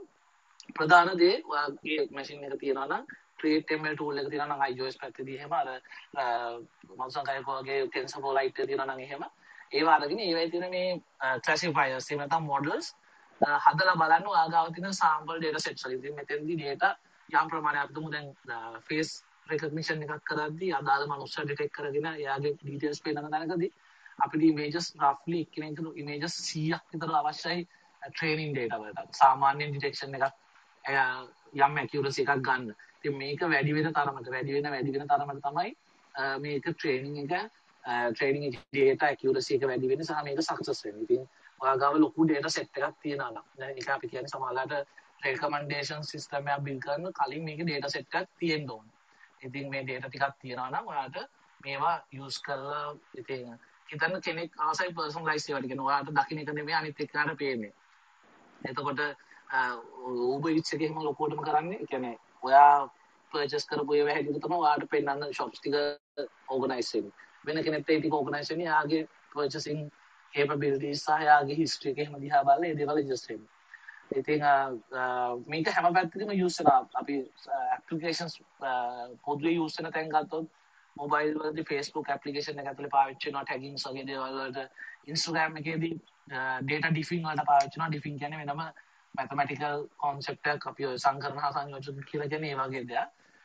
ඒකෙදි කරන්නේ ඔයා ෆීඩ් එක බල බල ඉද්දී ඔයා කාවරි ෆලෝ කරොත් එයාගේ data ඔයාව ඔයා ෆීඩ් එක රීෆ්‍රෙෂ් කරන්නේ මොකද නැත්නම් ෆීඩ් එකේ තැන් තැන් වලට සෙට් කරනවා එතකොට මේ වගේ ඩිෆින් වගේ දේවල් වලට මැෂින් ලර්නින් පාවිච්චි කරන ඔයාට සජෙෂන්ස් එන්නේ ඒ ඔයා ෆලෝ කරන අයගේ සහ ඔයා ලයික් එකක් දැම්මම නම් ඒ ලයික් එක දාපු කෙනා ෆලෝ කරන අයගේ විදිහට බලලා ඔයාට එවනවා ඩේටා සෙට් එකක්. ඉතින් මේ ඒ ඩිෆින් පැත්තට Instagram වලදී වගේ පාවිච්චි කරනවා. Uber එකේ සෑහෙන පාවිච්චි කරන Uber Eats වලට අමතරව Uber එකේදී රයිඩර් කෙනෙක් ඔයාට ගෙනල්ලා දෙද්දි හය එකක් යන්න ළඟම ඉන්න කෙනාව ඩිටෙක්ට් කරගන්න විතරක් නෙමෙයි බේසික් ඇල්ගොරිතම් වලට අමතරව ඔයාගේ මොකද උබේකට කම්පලේන් එකක් තිබුණ එක කාලෙක ෆෝන් එකේ බැටරි ලෙවල් එක 110ට වඩා අඩුයි වගේ වෙලාවක ඔයා හයර් එකක් දානවා නම් ඔයාට සර්ච් එකක් charge වෙනවා ටිකක් ටයිම් එකක් හවස් වෙච්ච වෙලාවක නම් කියලා. ඉතින් මොකද ඒකට ඒගොල්ලෝ on device machine learning වගේම server side machine learning දෙකම පාවිච්චි කරලා කරලා තිබ්බ දෙයක්. ඉතින් ඒකට විරුද්ධව පොඩි කම්ප්ලේන් එකක් පුත් ගියා. user ගේ data ඒ විදිහට අරගෙන මේ වගේ දෙයක් කරන එක වැරදි කියලා. මොකද ඔයාට option එකක් නැහැ සමහරවිට තැන රෑ 10 විතර වෙලා ෆෝන් එකේ බැටරිත් නෑ උඹ එකක් කීය වුණත් දාන්න වෙනවා. දාන කීය වුණත් ඔයාලට ගෙදර යන්න තියෙන වෙලාවක. ඉතින් ඉන්න මැෂින් ලර්නින් වල ගොඩක් හොඳ පැති නරක පැති තියෙනවා. ඔයාලට යූස් කරන්න පුළුවන් පැති මේක. Um, uh, තව ගත්තොත් අපි uh, shopping applications ගත්තොත් ගොඩක් shopping applications වල තියෙන uh, recommendations වාට දෙන ඒවා. ඊට පස්සේ ඔයා Amazon වගේ ගත්තොත් ඔයා මොකක් හරි ගන්නකොට search කරලා බලනකොට ඒක හා සමාන තව ඒවා පෙන්නනවා ඊට අමතරව මේ cross data සෙලින් සහ ක්‍රොස් ඩේටා ඉන්ටිග්‍රේෂන්ස් වලින් ගොඩක් පාවිච්චි වෙන කෙනා හිතන්න ඔයා TikTok එකේ මොකක් හරි බලලා આવොත් ඔයාගේ TikTok එකේ data set එකක් ඔයාගේ buying patterns ටික ඒගොල්ලෝ separately data brokers ලාලා Facebook ලට එවනවා. අර Facebook ලා දන්නවා right මේ user මෙන්න මෙහෙම එකක් බලලා තිනවා. එයාට දැන් මම මේ වගේ ඇඩ්වර්ටයිස්මන්ට් එකක් පෙන්නන්න ඕනේ කියලා. ඉතින් ඒ වගේ දේවල් වලට මේ ML වගේ දේවල් පාවිච්චි කරනවා. ඉතින් මේකේ ගොඩක් ඒරියාස් තියෙනවා යන්න පුළුවන් හොඳටම ඉතින් ඔයාලගේ අතේ තමයි තියන්නේ මේක කොයි පැත්තටද ඉන්ටග්‍රේට් කරන්න කියන එක. ඉතින් කස්ටම් රික්වයර්මන්ට් තියෙන්න පුළුවන්. එක්සිස්ටිං රික්වයර්මන්ට් එකක් නම් තියෙනවා වගේ රික්වයර්මන්ට් එකක් කොමන් වගේ එකක් නම් හොඳම දේ ට්‍රේන් කරපු මොඩල් එකක් ගන්න. මොකද ඔයා මොඩල් එකක් ට්‍රේන් කරනවා කියන්නේ ටිකක් කරදරකාරී සහ මාරු වැඩක්. හැබැයි ට්‍රේන් කරපු මොඩල් එකක් ගන්න ගැන අඩි ඉස්ලි මේක කරගන්න පුළුවන්. ඉතින් ඔක තමයි රෆ්ලි ML වල ගැන අපිට කතා කරන්න තියෙන මැෂින් ලර්නින් සහ මොබයිල් ඇපලිකේෂන් වලට මේක ඉන්ටග්‍රේට් කරන එක මං හිතනවා අදහසක් එන්නේ නැති කියලා මම සංකයි. ඔව් ඇත්තටම මේ ගොඩක් වැදගත් විස්තර ටිකක් විස්තරාත්මකව කතා කළා. ඉතින් ඊළඟට අපි මේ සිෂන් එක ප්‍රශ්නවලට ඕපන් කරන්න කලින් මං කියන්න කැමති අද මේ ශිෂන් එක අහන්න මුලින්ම මේ අපිත් එක එකතු වෙච්ච කවරු හරි ඉන්නවා නම් අපේ ක්ලබ් එක ෆලෝ කරන්න. ස්පීකස් ලව වගේම ෆලෝඩ් බයි ස්පීකස්ලා වගේම මේ අද සින්රූම් ඒ හැමෝම බලන්න. ඔයාලට එයාලගේ බයස්සල දාලා ඇති යාලගෙන විස්තර. ඉතිං ඔයාලට වැලිව එකක් තියෙන කට්ටියෝ ෆලෝ කරන්න. ඒවගේම පරණ සේෂන් සෝලට අහන්න පුළුවන් බ්ලෙස්ටෝක් ඇ් එකෙන් අපි මුලයිනම් කරගෙන සේෂන්ස් ඒවගේම දැන් අද කතා කරපු දේවල් එක්ක මොනහරි අපිට මගේ අරිච්ච දෙයක් තියෙනවනම් සහ එම්ල් එක්ක වැඩ කරන අයත් උඩට එන්න කියලා ආරාධනා කරනවා අපිත් එක්ක අදහස් බෙදාගන්න ඒ වගේම ප්‍රශ්න තියෙන අයටත් පුළුවන් ඔයාලගේ ප්‍රශ්න ඉදිරිපත් කරන්න.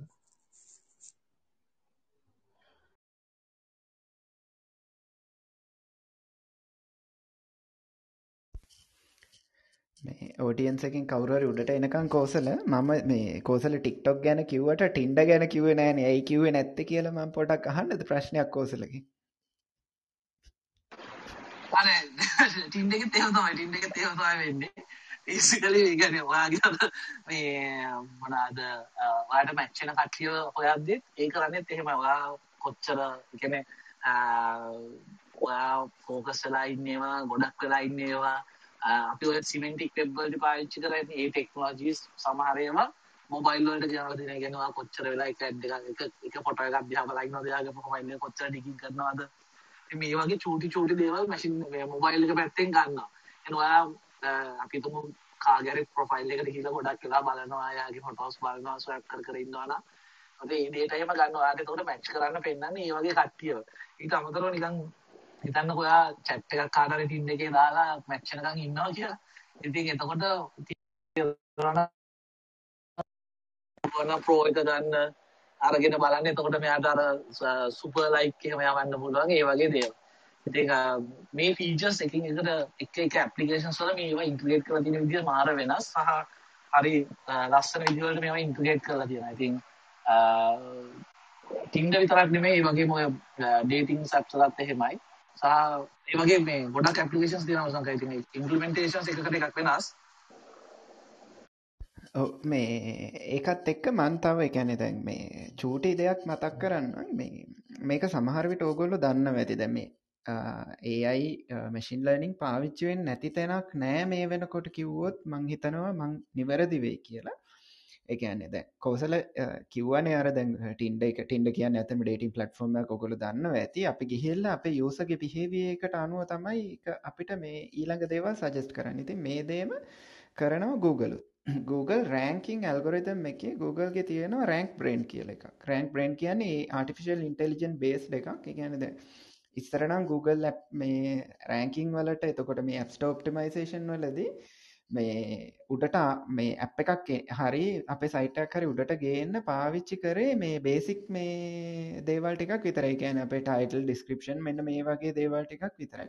හැබැයි දැන් මේ රෑන්ක් බ්‍රේන් කියන කන්සෙප්ට එකත්තක Google පාවිච්චි කරන ආටිෆිශල් ඉන්ටලිජන්ස් ඒ කියන Google ඇත්තටම කැල්කුලේට් කරනවා මේ යස කෙනෙක් ගිහිල්ල අපේ අප එකක් ඇතුළේ කොච්චර වෙලා ඉන්නවා අපේ වෙබ්සයිටක් ඇතර කොච්චර වෙලා ඉන්නවා දෙයා දවසට අපේ අප කී පාරක් කෝපන් කරනවා දෙයාගේ යුසේජ්ක මොනවගේද මෙන්න මේ වගේ ඩීටල්ස් ටික ඇත්තරම Google යස් කරන අපේ ඇප් රෑන් කරලා දෙන්න ති ඒකත් මතක තියාගන්න. එක අපේ ඇප්සට ආටිෆිශල් ඉන්ටලිජන්ස් දානවා වගේම අපි වැඩ කරන අනිත් කම්පැනිස් කියන Apple වෙන්න පුළුවන් Google වෙන්න පුළුවන් අපි ඩිපෙන්ඩ වෙන අනිත් කම්පැනිස් අපිව ට්‍රක් කරගන්නත් අපේ ඇප්සල පෆෝමස් වගේ දේවල් ට්‍රක් කරගන්නත් මේ ආටිෆිශල් ඉන්ටලිජන්ස් කන්සෙප් පාවිච්චි කරනවා. ඉතිං මේ ඒක තමයි මට මතක් කරන්න ඕනුනේ කෝසල මොනහරි ඇඩ් කරන්න තියෙනවද? ඔව් මම ඕකේ තව මේ ප්‍රැක්ටිකල් යූසේජ් එකක් කියනනම් මේ මැෂින් ලර්නින් වල කට්ටිය ප්‍රශ්න අහනකම් උඩට එනකම්. මේ ඔගොල බැලුවත් ඔයාලගේ iPhone එකේ තියෙන optimize battery charging කියලා option එකක්. එතකොට මේක වැඩ කරන්නේ on device machine learning වලින් මේකෙදි වෙන්නේ ඔයා මේකට ඔයා on කරලා තියෙනවා මේ frequency locations ඔයාගේ location service වල.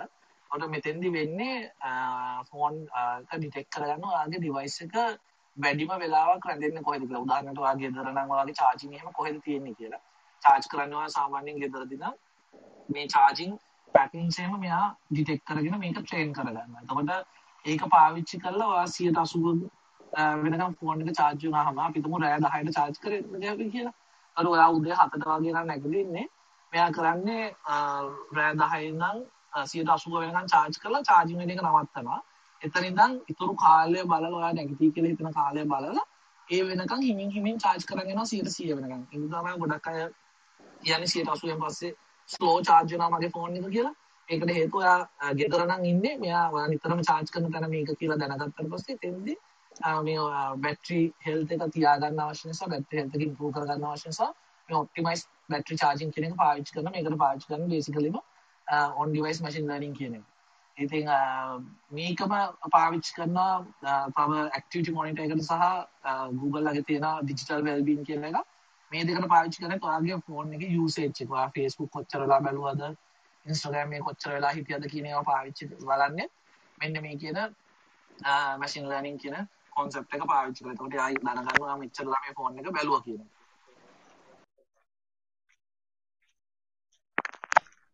ඔව් අපිත් එක්ක ශාන් එකතු වෙලා ඉන්නවා. ඔවු ප්‍රශ්න ඉදිරිපත් කරන්න පුළුවන්. අදහසක්ද ප්‍රශ්නයක්ද? ප්‍රශ්නයක් මහ ඇහෙනට ඔව් හෙනවා ඔව කෝසලායගෙන් පොඩ්ඩමක දැනගන්න ඕනේ. මට හම්බෙක්තික ප්‍රජෙක්් එක තිබ ඇත්තම එක අයස් නටු අය සැප්යක් කොස්මටික් සැප් එකක්. එකේ වෙන්න ඕනේ අපි යස කැමරන් එයාගේ සෙල්ෆි කැමරන් ෆොටෝෙන් ගත්තර පස්සයාගේ පේස් එක ඩිටෙක් කරගෙන පේස් එක තියෙන පේස ස්කින්න එක තියෙන ඒරිය එක කියන්නේ ඇස් තොල් වගේ ඒවා නැතුව ස්කින්න එක තින කල එක එක්ස්ටක් කරගන්න කල එක එක්ෂක් කරගෙන ඒ කලයකට අදාලව තමයි බැකෙන් දේපියයිතින් කොස්මටික් එයාට පෙන්න්න එතකොට එතන ප්‍රශ්නයක් තිබ්බ කොහොමද මේ හරියටම කැන ෆේස් ඒරියක ඩිටෙක් කරගන්න? එක කොන්්ඩේ අනම්මන ඉතික නැතුව කොහොමද හරියටම ෆේස් ඒරියක විතරක් එයාට මේ ඩිටෙක් කරගන්න ස්කින් කල එක ගන්න. මම ට්‍රයි කරේ විෂන් පිට්ටකෙන් එක සම්පූර්ණයම ඒක තුමට කම්පික් කරගන්න බැරි වුණා. කොහොමදතකොට ඒ වගේ දෙයක් කරන්න? එක එතකොට තිප්පේ කල එක්ස්ටක් කරගන්නම ලයි් එකක් ස් කරයි ලයි් එකට යුවයි මේජ් එකක් තමයි ඉල්ලන්න. එකෙන් තමයි කල සැක් කරගන්නේ. ඒක නේටව් කරන්න විදිහත් තිනවද කල එක්ස්ටක් කරගන්න. ඒ වගේකින් කොහොමද මේ පේසේරයක විතර කර වගේ ඩිටෙක් කරගන්නේ කියල පොඩ්ඩක් අයිඩිය එකක් දෙට පුළුවන් ඒ කොන්සෙප්ට හොඳ කොන්සෙප්ට එකක්. ඕක ඔයාට ඔයා විෂන් එම්ල් එක පාවිච්චි කරන එක හරි. එකෙන් තමාට කොහොමත් කරන්න වෙන්නේ. ඔයාට ඔප්ෂන් එකක් තියෙනවද? බේසිකලි ෆොටෝ හැකින් කරන්න යාගේ ෆේස් එක ඩිටෙක්ට් කරලා ෆොටෝ එකක් කැප්චර් කරගෙන කරන්න කම තියෙනවද? නැත්නම් ඔයාට ලයිව් ෆීඩ් එකෙන්මද කරන්න ඕනේ? නෑ. මේ කැප්චර් කරගෙන පුළුවන්. රයිට් ඔයාට අපි තුමු මාක එකක් තියලා කැප්චර් කරගන්නවා කියලා. ඔයා මාක එකක් තියනවා යාට කැප්චර් කරගෙන ඉද්දි ඔයාට ML එකේ දැන් ඔයාගේ මොනාද අපි ගත්තොත් ඩෙලිකට් එකක් තියෙනවානේ. මොනාද සාම්පල් බෆ ඩේටා ඩෙලිකට් එක. ඒකෙන් ඔයාලට ෆ්‍රේම් බයි ෆ්‍රේම් එනවා. එතෙන්ද ඔයාලට කැප්චර් කරලා අරගත්තට පස්සේ බේසිකලි විෂන් uh, එකේ ෆ්‍රේම්වර්ක් එකක් තියෙනවා ෆේස් රෙක්ටැන්ගල් ඩිටෙක්ෂන් සහ ෆේස් ඉමෝෂන් ඩිටෙක්ෂන්ස් කියලා. ෆේස් ලෑන්ඩ්මාර්ක් ඩිටෙක්ෂන්ස් කියලා. ඒකට මේ ලෑන්ඩ්මාර්ක් ඩිටෙක්ෂන් එකට ගියාම ඔයාට uh, ගන්න පුළුවනි uh, ඔයා ෆොටෝ එක ගත්ත එක ඔක්කොම තියෙන ලෑන්ඩ් මාක්ස් ටික බේසිකලි ලිප්ස් ඇස් ඔය ආදි වශයෙන් කන් ඔය විදිහට ඔයාලට ලෑන්ඩ් මාක්ස් ටික වෙන වෙනම ගන්න පුළුවන්. එතකොට මේ ලෑන්ඩ් මාක්ස් ඇරේ එක ආවට පස්සේ මේ ලෑන්ඩ් මාක්ස් වලට වෙනම ඩෙන්ටිටිස් තියෙනවා. ලෑන්ඩ් මාක්ස් පොයින්ට්ස් තියෙනවා. එතකොට ඔයාලට විෂන් එකම පාවිච්චි කරනවා නම් විෂන් API ඩොකියුමන්ටේෂන් එක ඔයා බැලුවොත් ඒකේ තියෙනවා මේ ලෑන්ඩ් මාක්ස් වලට අදාළ නොටේෂන් සෙට් එකක්. එතනින් ඔයාට ඔයාට අනවශ්‍ය ලෑන්ඩ්මාර්ක්ස් ටික ඔයාට අයින් කරගන්න පුළුවනි ඒ නෑ ඒක ෆිල්ටර් කරලා. අයින් කරලා ඉතුරු ලෑන්ඩ්මාර්ක්ස් ටික ආවට පස්සේ ඔයාට ඒ ලෑන්ඩ්මාර්ක්ස් වලින් එන data set එක අරගෙන ඒක කන්වර්ට් කරන්න පුළුවන් CG image එකකට. ඒක UI image එකකට නෙමෙයි එන්නේ. මොකද CG එකක් තමයි ඔයාට හම්බ වෙන්නේ. එතකොට මේ CG එක ඊට පස්සේ කන්වර්ට් කරලා ඔයාට ෆේස් data ටික ගන්නවා. එතනින් පික එක පාවිච්චි කරලා දැන් ලෑන්ඩ්මාර්ක් වලින් එන ඉමේජ් එකේ ඔයාට එන්නේ එතකොට ඇස් ටික නැතුව එහෙම අර වෙන ඉමේජ් ගන්න හැබැයි මේකෙන් ෂැඩෝස් අනම්මන වෙන වෙන වෙනවනේ. එතනින් ඔයාට ඔයාට හොඳටම අවශ්‍යයි කියන කොටස පික් කරගෙන ඒ කොටස CG එකට කන්වර්ට් කරලා ඒක ඔයාට ෆිල්ටරින් සහ මොනවාද මැපින් පාවිච්චි කරගන්න පුළුවන් මේ ඇරේස් වල තියෙන. ඒක CG එකට කන්වර්ට් කරගෙන ඒ CG එක ඊට පස්සේ ඔයාට UI image එකට ආපහු රීකන්වර්ට් කරගන්න වෙනවා. ඒ කන්වර්ට් කරගෙන ඒක එක්ස්ටෙන්ෂන් එකක් පාවිච්චි කරලා ඊට පස්සේ ඔයාලා ලයිබ්‍රරි එකෙන් ඔයාට වැඩේ කරගන්න පුළුවන්. ML එකක් මේ වගේ විෂන් එක පාවිච්චි කරන එක තමයි ඔයාට පහසුම විදිය. ඔයා බලන්න ලෑන්ඩ්මාර්ක්ස් ඩිටෙක්ෂන් කියලා එකක් තියෙනවා විෂන් එක ඇතුලේ. හරියි ඒක තේරෙනවා thank you පොඩි තව දෙයක් තියෙනවා මට මතක හැටියට ටික කාලයකට කලින් තාම තියෙනවද දන්නේ සම්ලි කියලා ඇප් එකක් තිබ්බා නිවුස් වගේ දේවල් සමරයිස් කරන ගොඩක් ෆේමස් වෙච්ච ඇප් එකක්. මේ ඇප් එකේ කොහොමද නිවුස් සමරයිස් කරන්න භාවිතා වෙන ML ටෙක්නික්ස් කියලා පොඩ්ඩක් කියන්න පුළුවන් මම ඇප් එක නම් දන්නේ නැහැ. සාමාන්‍ය නිවස් සමරයිස් කරනවා නම් ඔඩත්ලාට පාවිච්චි කරන්නේ ටෙක්ස් ක්ලසිෆිකේෂන්ස් වගේ ක්ලසිෆය එක එතකොට ඒකෙදී ආට කරන්න පුළුවන් වෙන්නේ ඔයාගේ අපිතමු ඔයා නිවස් බලද්දී ඔයා ගැඩ් වෙලා නිවස් වලට ගත කරන කාලය ඔයා ආස මොන වගේ නිවස්ද කියන එක ඔයාගේ ප්‍රෙෆරන්සස් ඔයාට පික් කරගන්න පුළුවන් ඩිවයිස් එක පැත්තේ. එතකොට ඔයා වැඩි වෙලා ඉන්න නිවස් මොනවද වගේ දේවල් පික් කරගෙන ඔයාගේ නිවස් සෝස් එකෙන් ඒ ටික අරගෙන ඔයාගේ නිවස් ක්ලාසිෆයර් ඒ කියන්නේ ටෙක්ස්ට් ක්ලාසිෆයර් ML එකක් through යවුවට පස්සේ ඔයාට එතෙන්දී ගන්න පුළුවන් ඔයාගේ අර මැච් වෙන දේවල්. මම කිව්වා අර මුලදී කිව්වේ මූවීස් වල රේටින්ග්ස් පැත්තේදී අපි මැච් කරනවා කියලා. අන්න ඒ වගේම ටෙක්ස්ට් ක්ලාසිෆයර් එකක් පාවිච්චි කරලා නිවස් සෝස් එකෙන් එන ඔරිජිනල් නිවස් සෝසස් data ටික අරගෙන ඒ dataයි ඔයාගේ යූසර් බිහේවියර්ස් වලට අදාළ data ටිකත් එක්ක මැච් කරලා මොඩල් එක ට්‍රේන් කරනවා. එතකොට ඔයාට හැම වෙලේම හම්බෙන්නේ ඔයා අර බලන බලන විදිහ ඔයා වැඩි වෙලා බලපු විදිහ සමරයිස් වෙච්ච නිවුස් ටිකක් තමයි ඔයාට එතකොට එවන්නේ.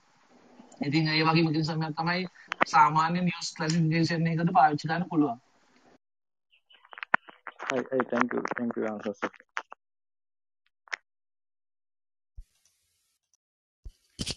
මං තව චූටි දෙයක් ඇඩ් කරන්න හෂන් මේ ML ඇන්ලයිසර් කියලා මේ නිවස් සමරයිසේෂන් API එකක් මං කාලෙකට කලින් යූස් කරා මේ චුට්ටක් ඒකත් බලන්න ඒ වගේ දෙයක් කරනවන කියන්නේ එක ඕල්රෙඩි මැසින් ලර්නින් යස් කරපු ඒගොල්ලුන්ගේ API එකක් තරු අපි තුන්නට පස්සේ ගොල්ල සමරයිස් කරලා දෙන මේ API එකක් මේ තිබුණා මට කාලෙකට කලින් හම්බුන එක මන් දන්න හැ තාම එක ලයුද්ධ කොහොමද කියලා පොට්ටක් ඒකත් බලන්න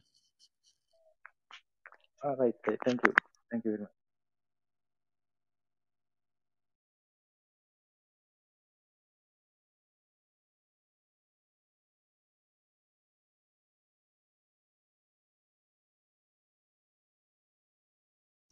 ප්‍රශ්න නෑ වගේ නේදද ඒකනේ අවුරුදු ගන්න අපි කතා කරපු ඒවාද නේද? දෙමල මේ හෝඩිය කතා කරාවගේ නෑ මේ මේ මේ මේ ටොපික් එක අර සෑහෙන ගොඩක් දෙනා අහනවා කොහොමද machine learning machine learning AI AI machine learning ගැන සෑහෙන බස් එකක්. මේක කොහෙන්ද පටන් ගන්න කොහොමද කරන්නේ කියන එක තමයි ගොඩක් එක. ඉතින් මම හිතනවා මේක ඒකට පොඩි ස්ටාර්ට් එකක් පොඩි කික් එකක් මේකෙන් හම්බෙන්නේ නැති කියලා වැඩ එහෙම පටන් ගන්න කැමැත්තක් තියෙනවනේ. අර ආශාන්ගේ වගේ කොන්සෙප්ට්ස් තියෙනවා නම් ඒ වගේ දේවල් කොහොමද ML එක කරන්නේ වගේ දේවල් වලත් අපි කතා කරමු.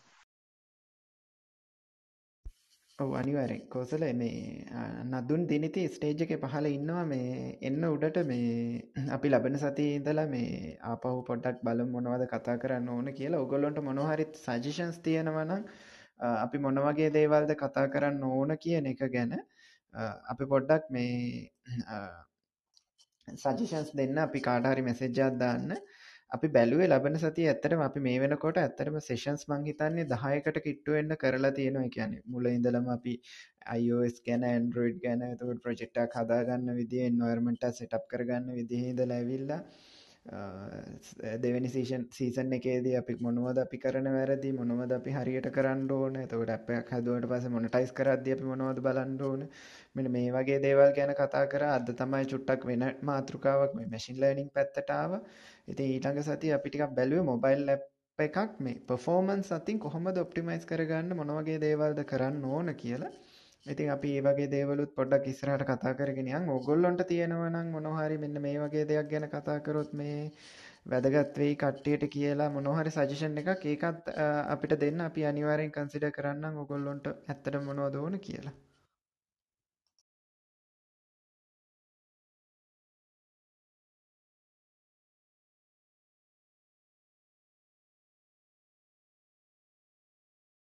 නදුන් නවින්? මාත් පොඩි දෙයක් ඇඩ් කරනකට මේ දැන්ට අවුරුදු තුනකට තුන්නකට හරි දෙක විතර කලින් මේ පොඩි ප්‍රොජෙක්ට් එකක් ආවනේ යන්නේ TikTok එක වගේම එකක් හදන්න කියලා. ඒකෙදි මේ අර දැන් මට ඒ දවස්වල ඔය ගැන ලොකු අයිඩියා එකක් තිබ්බෙත් නෑ. ඒකෙන් තමයි කරපු වැඩේ මුලින්ම TikTok ඇප් එක මේ ගලවලා බැලුවා ඒගොල්ලන්ගේ වැඩේ කොහොමද වෙන්නේ කියලා. ඒකෙදි මේ මට හම්බුණ දේ තමයි අර ඒගොල්ලෝ ගොඩක්ම දැන් මේ හොඳම ඩිවයිස් නෙමෙයි ද යූසර්ස්ලා යූස් කරන සාමාන්‍ය ලෝ ලෙවල් ඩිවයිස් වලට අර අපි කියන විදිහට යූස් කරන අමාරුවෙන් ඒගොල්ලෝ ඒකට පොඩි ෆික්ස් එකක් හදලා තිබ්බා C libraries වගේ. ඒ C library එක තමයි ඒගොල්ලෝ යූස් කරලා තිබ්බේ මේ Android එක ඇතුළෙත්. මම මේ C library එක කියන්නේ ෆයිල්ස් ටික වෙනම ගලවලා ඇවිල්ලා iOS එකට දාලා බැලුවා. එතකොටත් අර අර විදිහටම අපේ ඉමේජ් එකේ මේ ෆ්‍රේම්ස් ටික අරගෙන එයයි ෆ්‍රේම් එකට මොනහරි හක් දානවා නම් මේ මූුණක් දානවන ඒටිකේ විදිනම් වැඩ කර ඒගොල්ල එතන කරලා තිබ්බේ මේ ප්‍රීකම්පයිල් කරලා සී ලයිබ්‍රිකම මේ ඩිවයිස් දෙකටම යස් කරන අරන් තිබ්බා. මේ ආයි ඒ වගේම තවහෙක දැක්කා. ඒගොල්ලඟනම් ඒ එකක් තිබ්බ. ඒක දියුණේ අර කෝසලස කලින්කු වගේම මේ අපේ ෆ්‍රේම් එක වෙලාම ලයිවලි මේ සරයකට ඇවල මේ පැත්ත රිටන් කර ගන්න ඒකනම් මේ ටයක් ටාස්ක දරුණු වැඩි අපි පැත්තිෙන්. ඉටස කොමට මේ අරක ඩිවලප් කරන්න ගත්තනෑ මොකද ඒ ටයිම එක අපිට ලොකුණු ලෙජ්ජත් තිබෙන අරගේ ලයිබ්‍රක් හදල මේ ෆ්‍රේම්ස් කඩල ගන්න විදිහක් ගැන.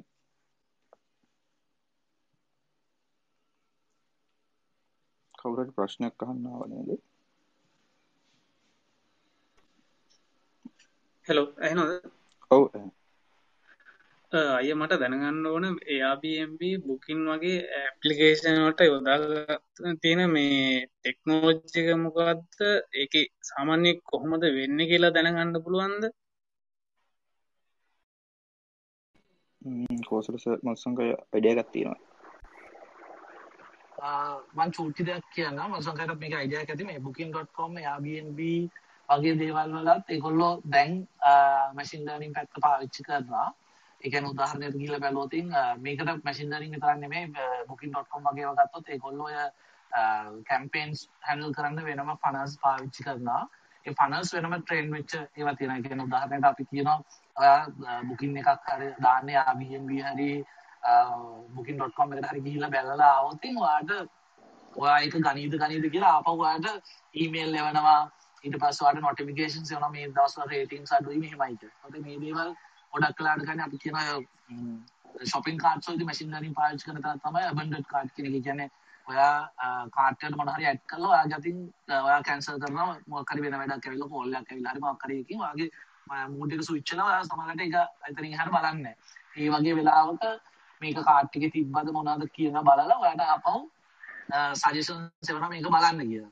බේසිකලි ටෙක්ස්ට් ටැග් එක ගත්තොත් ගොඩක් අය හිතනවා මේවා ක්‍රොස් ප්ලට්ෆෝම් ඩියවලප් කරලා තියෙන ඇප්ලිකේෂන්ස් කියලා මේ ගොඩක් ඔය ඉන්දියන් බ්ලොගර්ස් එහෙම බැලුවොත් ඔයාලට පේන්නේ ඒක ක්‍රොස් ප්ලට්ෆෝම් කියලා මේගොල්ලෝ සෑහෙන තැන්වල කියලා තියෙනවා. නමුත් ගොඩක් වෙලාවට වෙන්නේ ක්‍රොස් ප්ලට්ෆෝම් කම්පෝනන්ට් යූස් කරලා තියෙනවා. ඉතින් ගොඩක් දෙනාගේ තියෙන වැරදි මතයක් තමයි Facebook React Native හදපු ඉන්න Facebook app එක React Native කියලා. Instagram app එක React Native කියලා. ඉතින් ඒ වෙයිදී වෙන්නේ අතර මේගොල්ලෝ යම් කම්පෝනන්ට් පාවිච්චි කරන React Native වලින් හදපු එහෙම නැත්නම් Flutter වලින් හදපු. ඉතින් මොකද රදික කියයි මේ ෆ්ලටර් සහ රියැක්ට් නේටිව් දෙකේම මේ ලොකු chances තියෙනවා rich component design කරගන්න. මේ component එක design කරා මේ දෙකම Android iOS දෙකේම ලස්සනට පාවිච්චි කරන්න පුළුවන්. ඒ උදාහරණයක් Instagram වල තියෙන සමහර filters වගේ දේවල් පාවිච්චි මේ හදලා තියෙන්නේ මේ Flutter සහ sorry මේ React Native පාවිච්චි කරලා. ඉතින් ඒක ටෙක්ස්ට් එක පැත්තෙන් ගත්තොත්. ඉතින් මැෂින් ලර්නින් එක ගොඩක් කලාට මෙයාලගේ අර ඔයා බුකින් එකක් දාන්න කල්පනා කරලා ඒක ගිහලා සර්ච් කළාට පස්සේ ඔයාගේ සර්ච් ප්‍රෙෆරන්සස් මේගොල්ලෝ සැරෙන් සැරේට කුවරි කරනවා. ඒ දේවල් ආපහු මෙයාලගේ ට්‍රේන් මොඩල් එක ට්‍රේන් කරන්න පාවිච්චි කරනවා. එතකොට ගොඩක් වෙලාට ඔයා සර්ච් කරලා තියෙන දේවල් අනුව ඔයාට ආපහු එවනවා. මේ මෙන්න මේක ප්‍රයිසස් දැන් ඩ්‍රොප් වෙලා තියෙනවා. මෙච්චරක් ප්‍රයිස් අඩුයි. මදුර බැලුවොත් ඔයාගේ Airbnb වගේ ඇප්ලිකේෂන් එකක වමරයි සර්ච් කළා වොත් ඔයාලට ටිකකින් ආයි මැසේජ් එකක් හරි ඊමේල් එකක් හරි එවනවා මේ කරන්නේ ගොඩක් වෙලාවට ඒගොල්ලන්ගේ ටෙක්ස්ට් සර්චින් වලට පාවිච්චි කරන ML එක. ඉතින් ඒකෙන් ඔයාගේ සර්ච් queries ආය ආය ඒගොල්ලෝ ML එක හරහා ට්‍රේන් කරවලා ඔයාට ආපහු data එවනවා. ඉතින් මේ දේවල් නවත්තන්න තමයි අර Apple මේ පාවිච්චි කරේ මේ app tracking transparency කියන එක. ඔයාට ඔයාගේ අර advertising ID එක නැතුව ආව ඩිරෙක්ට්ලි ටාගට් කරගන්න බෑ මේ ඔයාමයි කරේ කියන එක. මේක එතකොට තමයි අර ප්‍රශ්නයක් ආයේ ඇප්ලිකේෂන්ස් ගොඩකට එයාලගේ ටාගට් ඔඩියන්ස් එකට මේක පෙන්න ගන්න බෑ කියන එක. එතකොට දැන් ඔයා සර්ච් කරන එක නෙමෙයිනේ මම සර්ච් කරලා තියෙන්නේ. එතකොට අපි දෙන්නට මේකම රිසල්ට් එක ආවොත් එතෙන්දී අපි කන්ෆියුස් වෙනවා. ඉතින් එහෙම නැති වෙන්න ඕනේ තමයි අර පර්සනලයිස් රික්වෙස්ට් එහෙම නැත්නම් පර්සනලයිස් ටාගට්ස් පාවිච්චි කරන තමයි අර මම මුලින් කතා කරා වගේ මම ML වල තියෙන ලොකු පාර්ට් එකක්. ලොකුවටම යූස් වෙන දේ තමයි මේ පර්සනලයිසේෂන්ස් වලට. ඉතින් Airbnb booking.com වගේ කම්පැනිසුත් මේ මැෂින් ලර්නින් ටෙක්නික්ස් පාවිච්චි කරනවා. ඔයාගේ ෆීඩ් එක පර්සනලයිස් කරන්න. ඒ මල්සන් කරත් කරන්න ඇති නෑ කෝසල මං හිතන්නේ කියවෙන්න ඕන ටික මේ ඔක්කොම කියවුණා මధుර. ඔයාට මේ උත්තරේ මේ පැහැදිලිද? නැත්නම් ඔයා මේ පැහැදිලිද අපි කියපු ටික? ඕ අය උත්තරේ හම්බුණා තැංකිව අය තව දෙයක් තියෙනවා දැනගන්න. මේ ෆේස්බුක් කොට දැන් රියක්් නේට යස් කරලා තියෙනවා. එතකොට යාබම්බකටත් මංතන්නේ රියක්් නේට යස් කරලා තියෙනවා. එතකොට අපි ඇපලිකේෂන් හදනනම් මොකක්ද අපිට කියන්නේ? යස් කරන්න පුළන් ටෙක්නෝජි මොනවාද? ෆ්ලට රියක්නේටවූද නැත්තං වෙනත් ක්‍රමයක් තියෙනවාද? මේ මං පොඩි උත්තරයක් දෙන්නම්. අපි මේක ඇත්තටම මේ අපේ මේ සේෂන් සෙට්ගේ පලවෙනිම සේෂන්ස් වලදී කතා කරා කොහොමද ටෙක්ස් ටැක් එක තෝරගන්නේ වගේ ප්‍රජෙක්් එකට අදාළව කියලා කියන ඇතරමද වගේ ප්‍රජෙක්් එක මොකක්ද කියලා හිතන්න නැතුව අපිට ඇත්තටම උත්තරයක් දෙන්න බැහැ ඔයා මේ රියක් නේටව් කරන්න අනිවාරෙන් ෆ්ලට කරන්න ඒ වගේ දේකට එතකොට ගොඩක් වෙලාවට දැන් කෝසලත් මේකට ඇඩිෂන් එකක් දායි මං හිතන්නේ. මොකද අපි මේක කතා කරලා තියෙනවා පැහැදිලිවම කලින්. චුට්ටක් බ්ලේස්ටෝක් කැප් එකේ තියෙන අපේ පරණ සේෂන්ස් ටික අහන්න. අපි මේ රෙකෝඩ් කරපුවා ඔක්කොම මේ සේෂන්ස් දැම්ම ගිය සතිය සේෂන් එක ඇරෙන්න. මේ ඉතින් ඔයාගේ ඇප් එකේ මේ ලයිෆ් සයිකල් එකයි. කොච්චර කාලයක් මේ ඇප් එක යනවද සහ ඔයාගේ ඇප් එකට එන ෆීචර්ස් අනුව තමයි අපිට ඒක ඩිසයින් කර ඩිසයිඩ් කරන්න වෙන්නේ මේ මොකක්ද අපි යුස් කරන ටෙක්ස් ටැක් එක කියලා. කියන්නේ දැන් ඉස්සල්ල කෝසලත් කිව්ව මේ ෆෙස්බුක් එක රියක් නේටව් කියන එක. ෆෙස්බුක්ල හැදුව රියක් කියන මේ ලැංවේජ එක ෆෙස්බුක්ල හැදුව කියලා. ෆෙස්බුක් එක තියෙන හැම කොම්පනන්ට එකම හැම ෆීච එකම රියෙක්ටුට නෙමේ දුවන්නේ. ඇති ඒකයි. එකැන ඒ ඒ මේ ෆීච එකට අදාළ වෙන විදිහයට සමාර වෙලාවට අපිට මේක මේ වෙනස් කරගන්න වේ එකැනෙ උදාහරණයක් විදියට සොලිඩ් ප්‍රජෙක්ටය ලෝන් පේරඩ් එකකට යනවනම් ද අපි දන්නවනේ ෆලට කියන කාව කොච් කොයි කාලෙද? රියක් නේටව කියන කාව කොයි කාලෙද? තුකට ඊට කලින් නේටව බේස් වගේ වති බයිවාදක්කෝ මේ ඉතින් එතකොට ඔය මේවත් එක වෙනස් වෙන මේ ෆිල්සෙක් අපි ඒවගේ මේ කොස් පලටෆෝම් ටූල්ල පාවිච්චි කරනවාද? Google දෙදස් සිසි අතර අලුත්ත එකක් ෆලට නැතුව දුන්න අපි එකට මාරු වෙනවද? නැත්තන් සොලිඩ් විදිහට මේ නේටව්ම ලියා ගන්නවද කියන ඉතින් මේ කොච්චර කල් අපේ ප්‍රජෙක්්ක දුවනවද කියන එක මතත් ඩිපෙන්ඩන ෆීචස් මත විතරක්ම නෙමේ ඕකර අප මුලදි කතා කර ඇපලිකේෂනය කොච්චර කම්පලෙක්ස්ද කියන එක. ඊට පස්සේ වගේ බැක්එන්ඩ් ටෙක්නොලොජිස් පාවිච්චි කරන්න මොනවද? අපි සෙෂන් එකදී කතා කරමු මේ data synchronizations කොහොමද වෙන් කරන්නේ කියලා. ඒ කියන්නේ බැක්එන්ඩ් ඇප්ලිකේෂන් එකකින් නම් මොබයිල් ඇප්ලිකේෂන් එකකට data sync කරගන්න දේවල්. දැන් ඔයා උදාහරණයට Facebook වගේ ඇප් එකක බැලුවොත් සමහරවිට data නැතුණත් ඔයාගේ feed එක load වෙලා තියෙනවා. එතකොට මේ feed එක sync වෙලා තියෙන්නේ එයාලගේ ළඟ වෙන CDN එකක් එක්ක. ඉතින් මේ දේවල් සිංක්‍රයිසේෂන්ස් කොච්චර දුරට ඔයා පාවිච්චි කරනවද සරල ගත්තොත් ඔයාට Amazon ලගේ Amplify එක වගේ එකක් පාවිච්චි කරන්න පුළුවන් ඊට පස්සේ මොනවාද cloud kit වගේ ඒවා පාවිච්චි කරන්න පුළුවන්. Firebase වගේ ඒවා තියෙනවා. ඒතකොට මේ සිංක්‍රයිසේෂන්ස් කොහොමද වෙන්නේ? ඊට පස්සේ ඇප්ලිකේෂන් එක කොච්චර hardware පාවිච්චි කරනවද?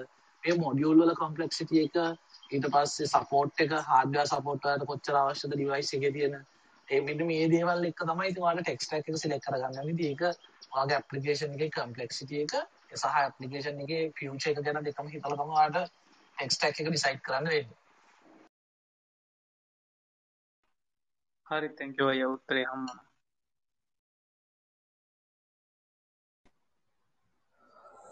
හරි ප්‍රශ්න නෑවගේ කාටවත්. ඉතින් එහෙමනම් අපි අද සෙෂන් එක ඉවර කරමු. ඉතින් ඉවර කරන්න කලින් ගොත් කියන්න තියෙනවාද? ඔව කියමු.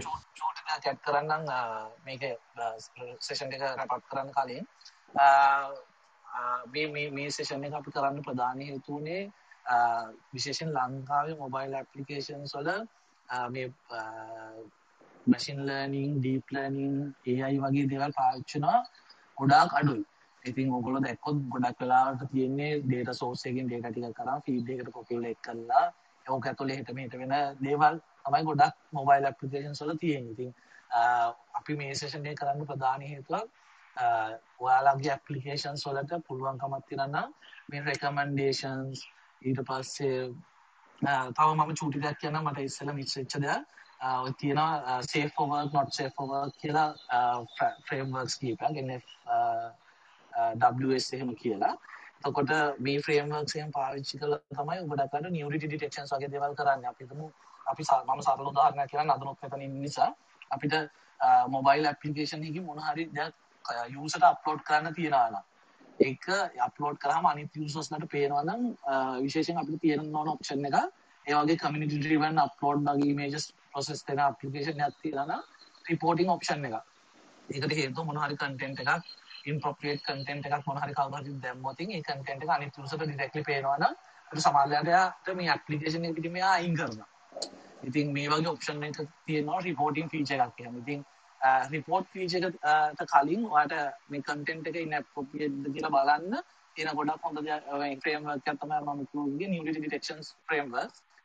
මේ වගේ ෆ්‍රේම්වර්ක් එකක් පාවිච්චි කරද්දී ඒකෙත් වෙන්නේ ඒගොල්ලෝ නියුරිටි කියලා කන්ටෙන්ට් එකක් හැම වෙලේම ට්‍රේන් කර කර තියනවා මැෂින් ලර්නින් එකකින් ඒගොල්ලන්ගේ. ඒතර මේ මොඩල් එක ඔයාලට ඉන්ටිග්‍රේට් කරන්න පුළුවන් API එකක් තුව. එතකොට ඔයා කවුරු හරි කෙනෙක් ඉමේජ් එකක් අප්ලෝඩ් කරනවා නම් ඒක චෙක් කරලා බලනවා මේක නියුරිටි කන්ටෙන්ට් එකක්ද කියලා. එහෙමනම් ඔයාලට පුළුවන් ඒක අප්ලෝඩ් නොකර ඉන්න දෙන්න. එහෙම නැත්නම් අප්ලෝඩ් කරාට පස්සේ යූසර් එහා පැත්තේ පෙන්නද්දී යූසර් කන්සෙන්ට් එකක් ගන්න අර බ්ලර් ඔප්ෂන් එකක් හරි මොකක් හරි දීලා. ඉතින් මෙන්න මේ වගේ ෆීචර්ස් ගොඩක් කරාට පාවිච්චි වෙන්නේ ඔයා දැක්කොත් Facebook එකේ එහෙම තියෙන ඇක්සිඩන්ට් එකක් එහෙම වෙලා තියෙන ෆොටෝ එකක් තියෙනවා නම් ඒක පොඩ්ඩක් බ්ලර් කරලා පෙන්නන්න ඔයාගෙන් කන්සෙන්ට් එක ගන්නවා මේක මෙහෙම එකක් තියෙන්නේ. මේක බලුව බලන්න ඔයා ඕකේද කියලා. මේ වගේ දේවල් වෙන්නේ අර නියුරිටි ඩිටෙක්ෂන්ස් එහෙම නැත්නම් වයලේෂන් ඩිටෙක්ෂන්ස් වගේ දේවල් මේ යූසර් රේටින්ග්ස් වලට එහෙම මැෂින් ලර්නින්ග්ස් පාවිච්චි දෙන අපේ මේන් අරමුණ උනේ මේ මේක මේ සෙෂන් එකේ මේ ඔයාලගේ ඇප්ලිකේෂන්ස් වලට මේ මැෂින් ලර්නින්ග් වල තියෙන ෆීචර්ස් එම්බෙඩ් කරලා බලන්න විෂන්ස් වගේ දේවල් අර ඉස්සලා මෙයා කතා කරපු ඒ කන්සෙප්ට් එකමත් මාර ලස්සනයි කියන ඔයාලට ස්කින් එක චෙක් කරලා යූසර්ට පර්සනලයිස් ප්‍රොඩක්ට් එකක් සජෙස්ට් කරන්න පුළුවන් නම් අන්න ඒ වගේ ඔයාලගේ ඇප්ලිකේෂන්ස් වලට මේක නෝමල් ඇප්ලිකේෂන් එකක් වුණත් අපිට shopping ඇප්ලිකේෂන් එකක් කියලා. ඒ වගේ දෙයකට උනත් ඔයාලට සජෙස්ට් කරන්න පුළුවන් මෙන්න මේ වගේ ඔප්ෂන්ස් ඉන්ටිග්‍රේට් කරන්න. ඉතින් ඒ වගේ දෙයකින් ඔයාලට පුළුවන් අපිට කියන්නේ ලංකාව ඇතුලේ හැදෙන ඇප්ලිකේෂන්ස් වලට මේක පාවිච්චි කරන්න පුළුවන් නම් මම හිතන්නේ ඒක ගොඩක් හොඳ ට්‍රෙන්ඩ් එකක් වෙයි.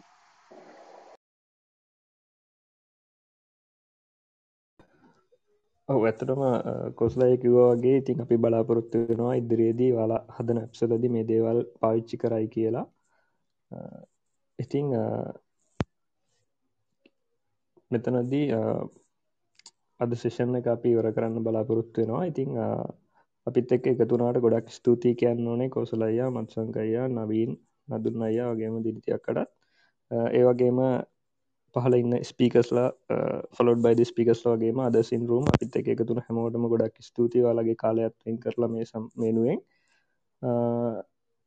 ඉතිං අපි ලබන සතියත් සෙෂන් හැකින් හම්බුවමු ඒ වෙනකං අපේ මොබයිල් ලැප්ස්ටෝක්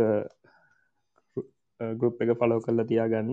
ස්පීකස් ලවත් ෆලෝ කරලා තියාගන්න. මොකද යාලා කතා කරදවලට නොටිකේෂනයක් ගන්න පුළුවන් මොන හරි වැදගත්දයක් සම්බන්ධයෙන් කතා කරනකොට යාලට ඒකට එකතු වෙන්න පුළුවන්. ඒ වගේම අපේ බ්ලෙස්ටෝක් ඇප් එක දාගන්න. මොකද ඔයාලට පුළුවන් පරණ අපි කලින් කතා කරපු දේවල්ලගේම වෙන වෙන ශේෂන්ස්වල ඒවත් රෙකෝඩිං ඒක තියෙන ඔයාලට පුළුවන් එකෙන් රෙකෝඩිං සහන්න ඉතිං හැමෝටම සුබ දවසක්.